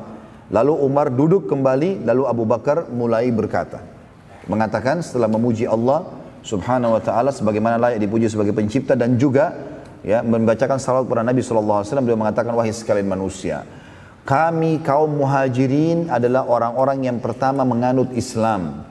Tersucikan nasab-nasab kami. Terdekat rumahnya dengan Nabi sallallahu alaihi wasallam. Waktu di Mekah kami tetangga Nabi sallallahu alaihi wasallam. Memiliki kedudukan yang tinggi dalam agama. Paling banyak keturunannya dari bangsa Arab ya paling dekat kekerabatannya dengan Nabi Shallallahu Alaihi Wasallam. Kami menganut Islam sebelum kalian dan kami didahulukan dalam Al-Quran dari kalian. Sebagaimana Allah yang maha tinggi telah berfirman. Ini disebutkan dalam surah At-Taubah, surah nomor 9 ayat 100. Abu Bakar membaca ini. A'udzu billahi minasyaitonir rajim. Was-sabiqunal awwaluna minal muhajirin wal ansar. Di sini kata muhajirin didahulukan. والذين اتبعوهم بإحسان رضي الله عنهم ورضوا عنه وعد لهم جنات تجري تحت الأنهار wa jannatin tajri tahtal anharu khalidina fiha abada ذَلِكَ fauzul azim. Orang-orang yang terla, terdahulu lagi yang pertama-tama masuk Islam. Dari golongan muhajirin dan ansar. Abu Bakar mengatakan dalam Al-Qur'an kami dahulukan baru kalian. Dan orang-orang yang mengikuti mereka dengan baik. Siapa pun yang mencontohi para sahabat ini Allah ridho kepada mereka dan mereka pun ridho kepada Allah. Dan Allah menyediakan bagi mereka surga-surga yang mengalir sungai-sungai di dalamnya selama-lamanya mereka kekal di dalamnya karena dan itu adalah kemenangan yang besar. Lalu Abu Bakar berkata radhiyallahu anhu, kamilah muhajirin dan kalian adalah ansar, saudara kami dalam agama, partner kami dalam kebaikan, penolong kami dalam menghadapi musuh dan sungguh kalian telah tepat dan tegas. Semoga Allah membalas kalian dengan kebaikan. Maka kepemimpinan di tangan kami dan kalian adalah pendamping kami. Ketahuilah bahwa tidak ada pemimpin kecuali dari Quraisy maka jangan kalian mengalihkan hak tersebut dari saudara-saudara kalian muhajirin. Karena ini memang ada hadis Nabi SAW yang berbunyi, kalau bertemu antara satu orang Quraisy dengan orang biasa dari muslimin dan padanya ada sifat-sifat kepemimpinan maka dia didahulukan. Umar bin Khattab berkata, demi Allah, tidak ada satupun kalimat yang diucapkan Abu Bakar tadi kecuali aku sudah niat untuk mengucapkannya. Aku sudah menyusun kata-kata yang sama sebenarnya. Lalu Abu Bakar berkata lagi, ketahuilah, kalau aku memilihkan untuk kalian, kalau aku pribadi kalian mau dengar, ya salah satu dari kedua orang ini. Lalu Abu Bakar mengangkat tangan Umar bin Khattab dengan tangan kanannya, lalu mengangkat tangan Abu Ubaidah bin Jarrah dengan tangan kirinya. Lalu mengatakan, pilihlah salah satu dari dua orang ini yang kalian sukai. Umar lalu berkata, demi Allah tidak ada kalimatnya, kalimat Abu Bakar yang aku benci kecuali ini. Aku tidak ingin itu. Ya. Bagaimana bisa aku memimpin satu kaum sementara di tengah mereka ada Abu Bakar Siddiq? Maka saat Ibn Ubadah radhiyallahu anhu dalam keadaan sakit saat berbicara dan setelah berbicara ia duduk di sudut kebun dengan menutupi badannya dengan jubah ya. Pada saat itu tidak menanggapi apa-apa karena dia yang bicara tadi. Berdirilah seorang dari Ansar bernama Khabbab ibn Munzir radhiyallahu anhu. Seraya berkata setelah memuji Allah dan membaca salawat untuk Nabi sallallahu alaihi wasallam, ia berkata, "Solusi dariku ialah sekali dari kalian wahai muhajirin pemimpin dan sekali dari kami Ansar." Lalu kemudian dia duduk. Orang-orang bingung dan masing-masing mengucapkan pendapatnya.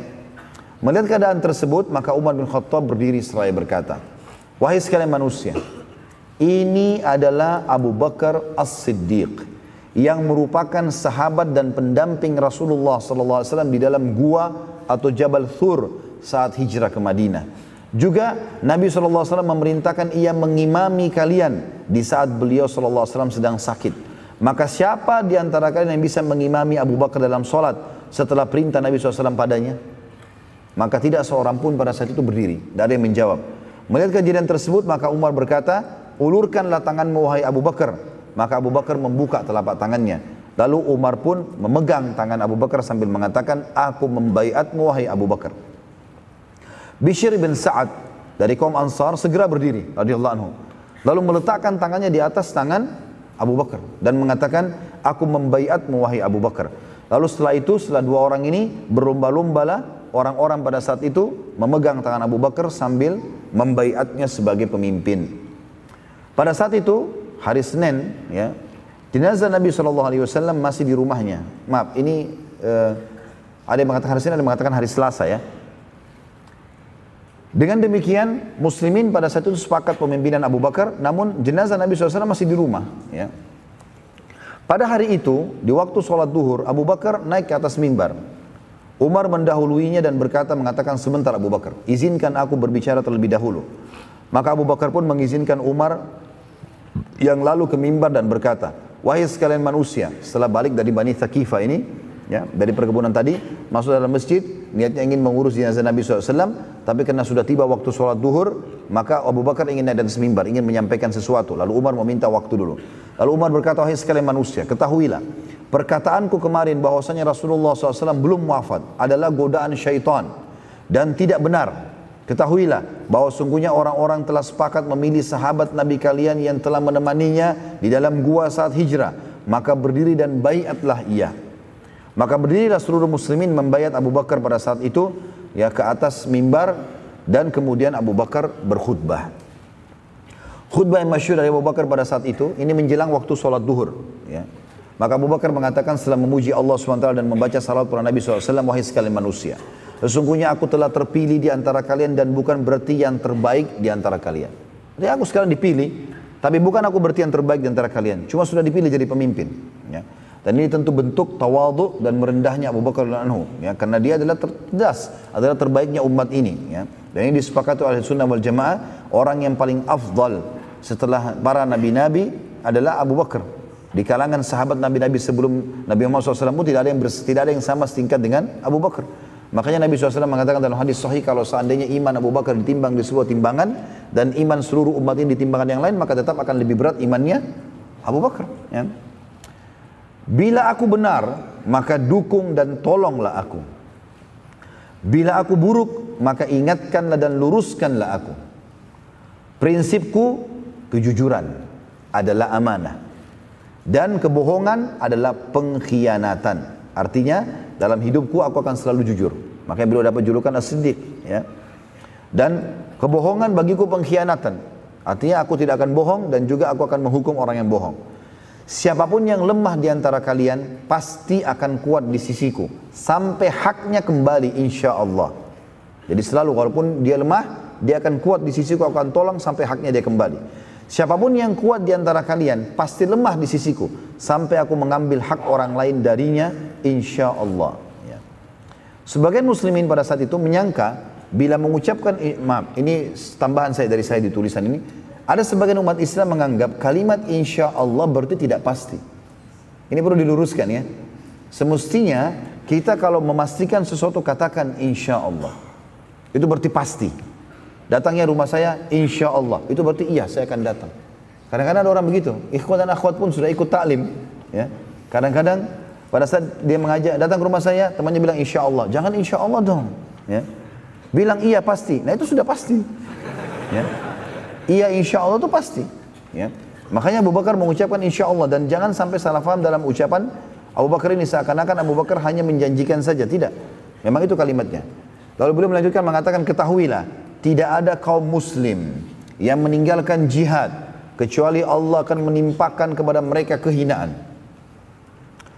Maksudnya adalah mereka akan ya, dikalahkan, dihinakan oleh musuh.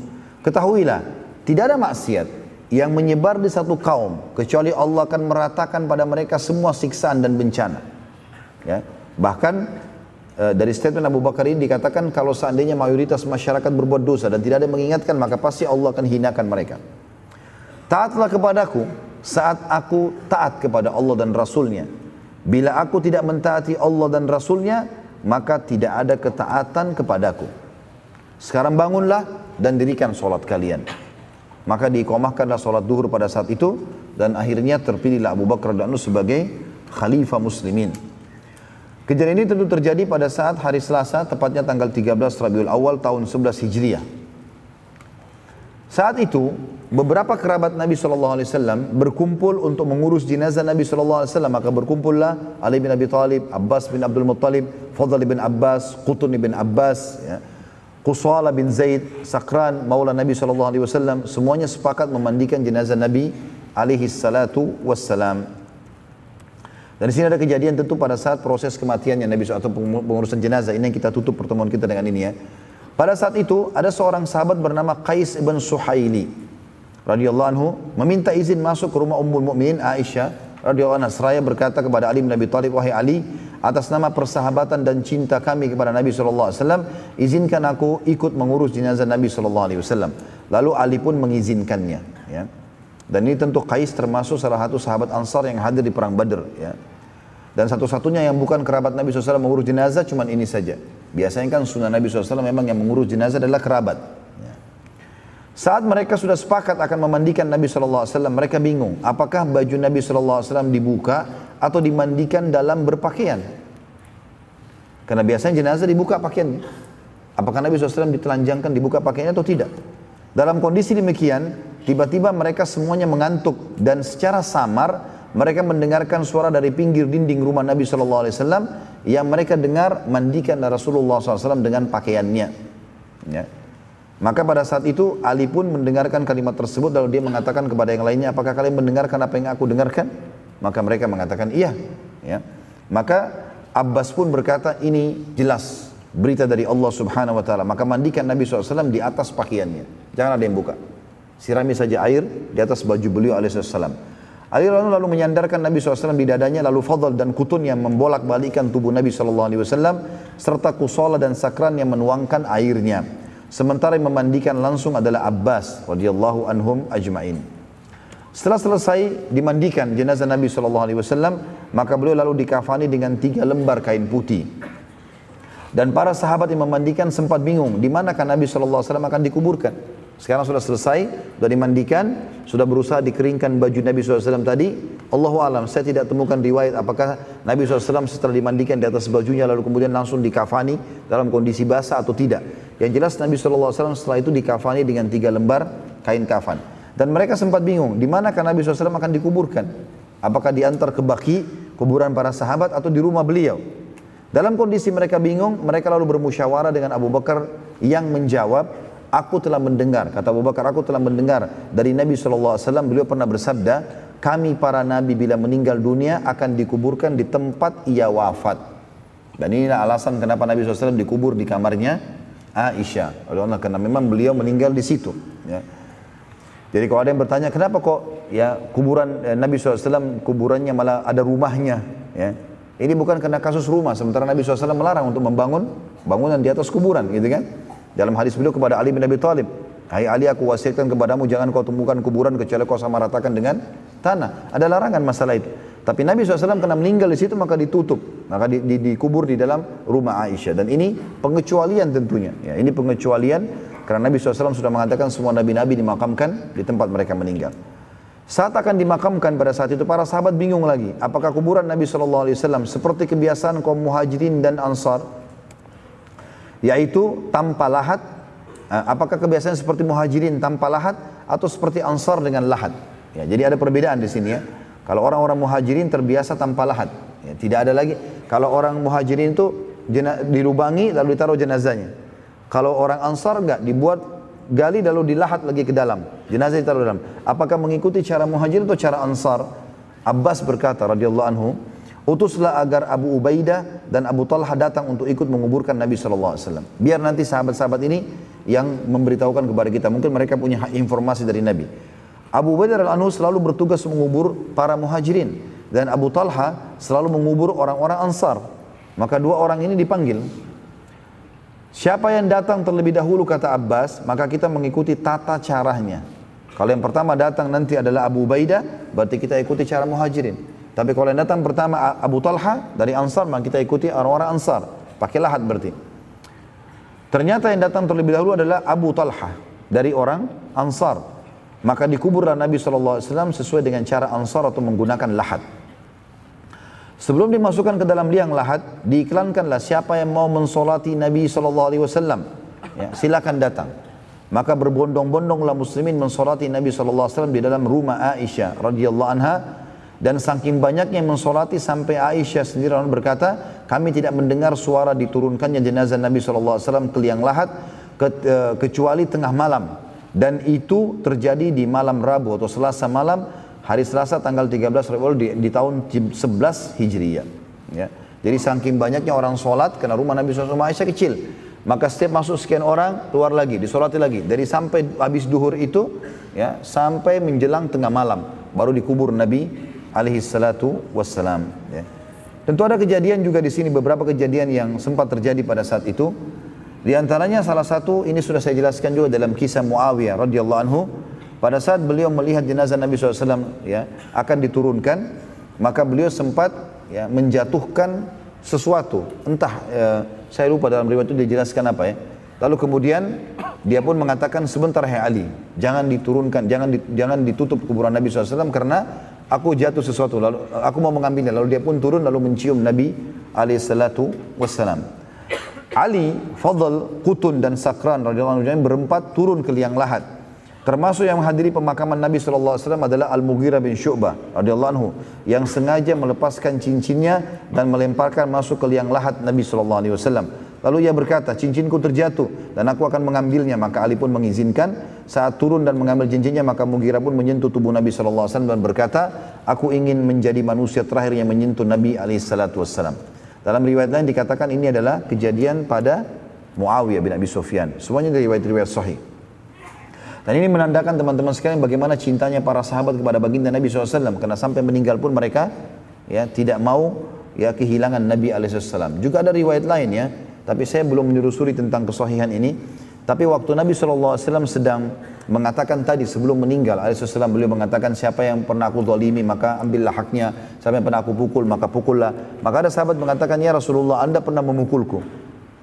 Kemudian Nabi SAW mengatakan baiklah balaslah. Dia mengatakan, tapi ya Rasulullah waktu anda memukulku menyentuh dengan tongkat anda, walaupun itu tidak disengaja gitu kan, anda per anda waktu itu bagian badanku terbuka, tersingkap, maka kena kulitku langsung. Aku pun minta itu. Maka para sahabat menghardik orang ini. Kemudian pada saat pada saat pun Nabi SAW mengatakan biarkan dia, tidak boleh ada yang menolong, biarkan dia mengambil haknya. Waktu Nabi SAW singkapkan, singkapkan bajunya, maka dia pun memeluk dan mencium badan Nabi SAW. Maka Nabi SAW mengatakan kenapa? Dia mengatakan aku aku sudah mengetahui ya Rasulullah anda akan meninggal dunia. Maka aku ingin aku menyentuh tubuh anda ya sebelum anda meninggal dunia. Ini perilaku-perilaku para sahabat tentunya yang terjadi pada baginda Nabi alaihissalam. Tapi ini ulama umumnya sepakat mengatakan ini adalah khususiyatun Nabi alaihissalam. Ini khusus buat Nabi SAW, bukan semua orang. Setelah selesai pemakaman, Ali bin Abi Thalib radhiyallahu balik ke rumahnya dan ia menemukan Fatimah sedang menangis dengan keras. Seraya berkata kepada Ali, apakah jiwa kalian mampu menuangkan tanah ke tubuh Nabi Shallallahu Alaihi Wasallam?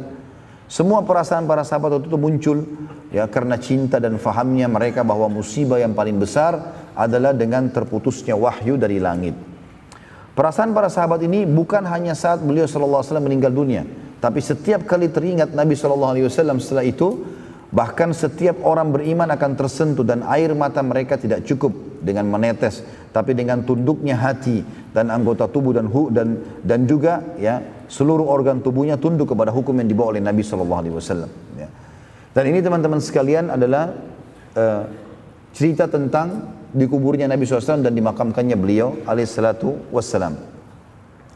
Ada pelajaran-pelajaran yang bisa kita ambil di sini dalam penutupan ini tentunya, teman-teman sekalian. Yang pertama adalah bagaimana manusia yang terbaik pun wafat dan meninggal dunia. Berarti kita juga akan meninggal dunia. Yang kedua, ada satu kejadian juga terjadi dan ini riwayat sahih. Waktu Nabi alaihi salatu wassalam, ini pelajaran yang kedua ya, kalau kita akan bertemu dengan beliau, asal syaratnya ya kita beriman dan mengikuti sunnah-sunnah beliau alaihi salam. Pada saat beliau lagi sakit parah dan beliau tadi naik di mimbar, ya, maka ada sahabat yang sempat menangis. Mereka menangis terisak-isak. Dan Nabi SAW masuk ke dalam rumahnya dan beliau sempat mendengar suara tangisan sahabat yang sangat besar. Maka beliau pun memaksakan diri keluar yang kedua kali, kemudian beliau naik di atas mimbar dan beliau mengatakan, Hai manusia. Setelah memuji Allah dan salat pada diri beliau wasallam beliau mengatakan hai manusia janganlah kalian bersedih karena pertemuan kita yang sebenarnya di haud di kualaku nanti ya kuala Nabi SAW yang ada di mahsyar nanti semua orang di antara kita insya Allah yang mengikuti sunnah Nabi SAW setelah timbangan amalnya lolos maka dia akan minum dari haud. Yang kata Nabi SAW haudku jaraknya adalah satu bulan. Jadi lebarnya satu bulan panjangnya satu bulan gitu kan? Dalam riwayatnya dikatakan seperti antara uh, San'a dan Ailah. Ya dua kota yang sangat jauh jaraknya lebih dari seribu kilometer. Maka itulah hak haud Nabi SAW dan beliau mengatakan juga e, sesungguhnya gelas-gelas minumnya atau canteng-cantengnya itu sejumlah bintang di langit. Siapa yang minum seteguk maka tidak akan haus, tidak akan e, apa namanya haus selamanya. Kata Nabi SAW, Hai saya manusia, jangan kalian bersedih karena perjanjian kita sebenarnya di haud. Ini aku meninggal duluan, kalian juga akan menyusul. Yang penting istiqomah. Ada satu poin penting di sini teman-teman sekalian. Kalau ada di antara kita insya Allah yang sudah ada di majelis taklim, sudah mulai menerapkan sunnah-sunnah Nabi SAW, maka tahap yang paling penting setelah itu adalah istiqomah. Itu yang paling penting. Ya, bagaimana kita bisa mempertahankan ini sampai mati? Kalau syaitan datang bisikkan, apakah memang sudah ini yang benar? Apakah sudah ini? Apakah memang harus begini? Atau mungkin masih bisa berbuat dosa nanti bertobat lagi? Ini semua waswas syaitan. Karena sudah ada sunnatullah. Bagaimana para sahabat akhirnya mengikuti sunnah Nabi SAW dan mereka akhirnya menyusul Nabi SAW dan wasiat tadi jelas. Nabi SAW mengatakan kalimat tersebut. Kalau sesungguhnya ya perjanjian kita sebenarnya adalah di haud. Pelajaran yang ketiga. Ya. Bagaimana agama Islam telah sempurna dengan meninggalnya Nabi SAW dengan meninggalnya Nabi SAW dan menandakan berarti umat Islam tidak perlu lagi menambah-nambah. Ingat wasiat Nabi di Haji Wada, ya. Siapa yang hidup di antara kalian nanti akan melihat banyak perselisihan. Banyak perselisihan. Maka aku mewasiatkan kepada kalian berpegang teguhlah pada hal atau dua hal yang tidak akan membuat kalian akan sesat dari perselisihan itu. Yaitu kitabullah dan sunnati. Maka harusnya kita melakukan ini jaga kemurnian ajaran Al-Quran, kemurnian, kemurnian ajaran Nabi Sallallahu Alaihi Wasallam. Yang keempat, bahwasanya memang akan ada khalifah-khalifah, ya penerus-penerus Nabi Alaihi Wasallam. Di antara dimulai dari Abu Bakar, Umar, Uthman, Ali, seterusnya. Dan ini seperti kalau kita review tentang tentang perang Khandak, di mana Nabi SAW waktu menghancurkan sebuah batu, beliau mengatakan Allahu Akbar, aku telah diperlihatkan oleh Allah kalau seluruh jazirah Arab, ya, termasuk Yaman, Syam, semuanya di bawah kekuasaan umatku. Artinya akan ada pengganti-pengganti Nabi alaihissalam. Hanya saja yang kita sayangkan sekarang banyak di antara pemimpin muslimin tidak menjalankan sunnah Nabi SAW. Mereka menganggap remeh masalah itu. Makanya beliau mengatakan akan datang sepeninggalku nanti. Orang pemimpin-pemimpin yang safih, yang bodoh sekali. Karena mereka tidak pernah mengambil sunnahku dan tidak pernah mengikuti petunjuk-petunjukku. Sejarah sudah mencatat bahwasanya Khulafaur Rasyidin menerapkan sunnah Nabi SAW. Umayyah, Abbasiyah, Terus saja mereka menjalankan sampai ke Uthmaniyah di di masa-masa kejayaan mereka, mereka coba menerapkan Al-Quran dan Sunnah dan akhirnya atau Islam akhirnya Allah SWT berikan kejayaan dan kapan mereka meninggalkan itu maka terpuruklah kaum muslimin ya. Jadi ini kembali kepada ajaran Nabi SAW. Kemudian yang terakhir teman-teman sekalian janji Allah benar dan pasti akan terjadi Termasuk masalah lahirnya kita, meninggalnya kita, semua takdir Allah SWT harus diyakini tentang kebenarannya. Termasuk dengan adanya kehidupan di muka bumi ini, kita bisa melihat satu sama yang lain, kita bisa menghirup udara, kita bisa merasakan makanan dan minuman, dan di satu sisi kita juga bisa merasakan kesusahan dari sakit, dari gangguan orang dan seterusnya. Ini semua adalah sunnatullah yang menandakan memang ada kehidupan lagi di sana, di akhirat. Yang juga akan menjadi kenikmatan abadi bagi orang beriman dan akan siksaan yang abadi bagi orang-orang yang kafir.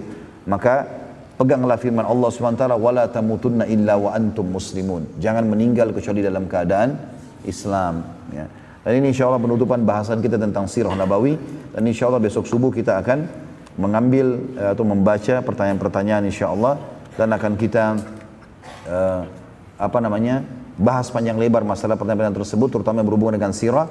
Kalaupun tidak, saya coba review lagi malam ini. Kalau masih ada beberapa poin yang tertinggal, insya Allah akan kami sampaikan di esok hari nanti. Mudah-mudahan semua pertemuan kita yang sudah kita lakukan ini selama beberapa uh, tahun ya berjalan bulan demi bulan kita mengulangi materi sirah ini. Ini akan memberikan pelajaran kepada kita dan saya tetap mengajak teman-teman sekalian mungkin pelajaran yang saya sampaikan ini saya sudah mengulanginya lebih dari sekian puluh kali lebih dari 50 bahkan mungkin sudah ya ratusan kali. Tapi subhanallah setiap kali saya ulangin saya selalu mendapat pelajaran baru maka ulang-ulangin sirah teman-teman sekalian. Karena itu menambah keimanan kita. Sebagaimana saya ingatkan di awal pelajaran sirah kita, dia akan menambah, dia akan memperkenalkan kepada kita tentang pribadi Nabi SAW. Dia akan memperkenalkan kita tentang sebab-sebab turunnya ayat Al-Quran. Dia akan memperkenalkan kepada kita tentang sebab penyebutan hadis. Dia akan memperkenalkan kepada kita tentang siapa sebenarnya orang-orang kafir. Memperkenalkan kepada kita siapa sebenarnya orang-orang munafik. Bagaimana menghadapi mereka. Juga memperkenalkan kepada kita tentang kebenaran agama Islam yang kita anut ini yang akhirnya kita jadikan sebagai pegangan hidup kita. Allahu alam. Ini insya Allah bahasan kita. Ya, mudah-mudahan apa yang kita bahas sekali lagi bermanfaat insya Allah buat kita. Dan insya Allah mudah-mudahan e, pertemuan kita akan Allah SWT mudahkan di waktu-waktu yang lain. Ya, e, mungkin dengan tema-tema yang berbeda tentunya. Dan insya Allah saya sudah menyusun setelah sirah ini, kita akan bahas tentang khulafa Rashidin dengan izin Allah SWT. Kisah Abu Bakar dengan panjang lebar, kisah Umar dengan panjang lebar, kisah Abu Umar Uthman, Ali dan seterusnya dan insya Allah saya sudah mengatur sebuah materi. Mudah-mudahan Allah mudahkan. Saya akan membahas juga seluruh khulafa yang ada di Umayyah, seluruh khulafa yang ada di Abbasiyah dan seluruh khulafa yang ada di Uthmaniyah. Ya, dan ini insya Allah membutuhkan waktu dan juhud yang sangat banyak. Tapi taufik dari Allah SWT kita tidak tahu. Ya mudah-mudahan Allah memudahkan semua itu karena kiprah-kiprah para khulafa ini datang dan sangat besar yang perlu kita pelajari dari eh, bahasan-bahasan ini. Baik ini insya Allah bahasan kita teman-teman dan kita ketemu besok subuh insya Allah. Baik begitu saja teman-teman sekalian semoga bermanfaat. Subhanakallahumma bihamdika asyhadu an la ilaha illa anta astaghfiruka wa atubu ilaik. Wassalamualaikum warahmatullahi wabarakatuh.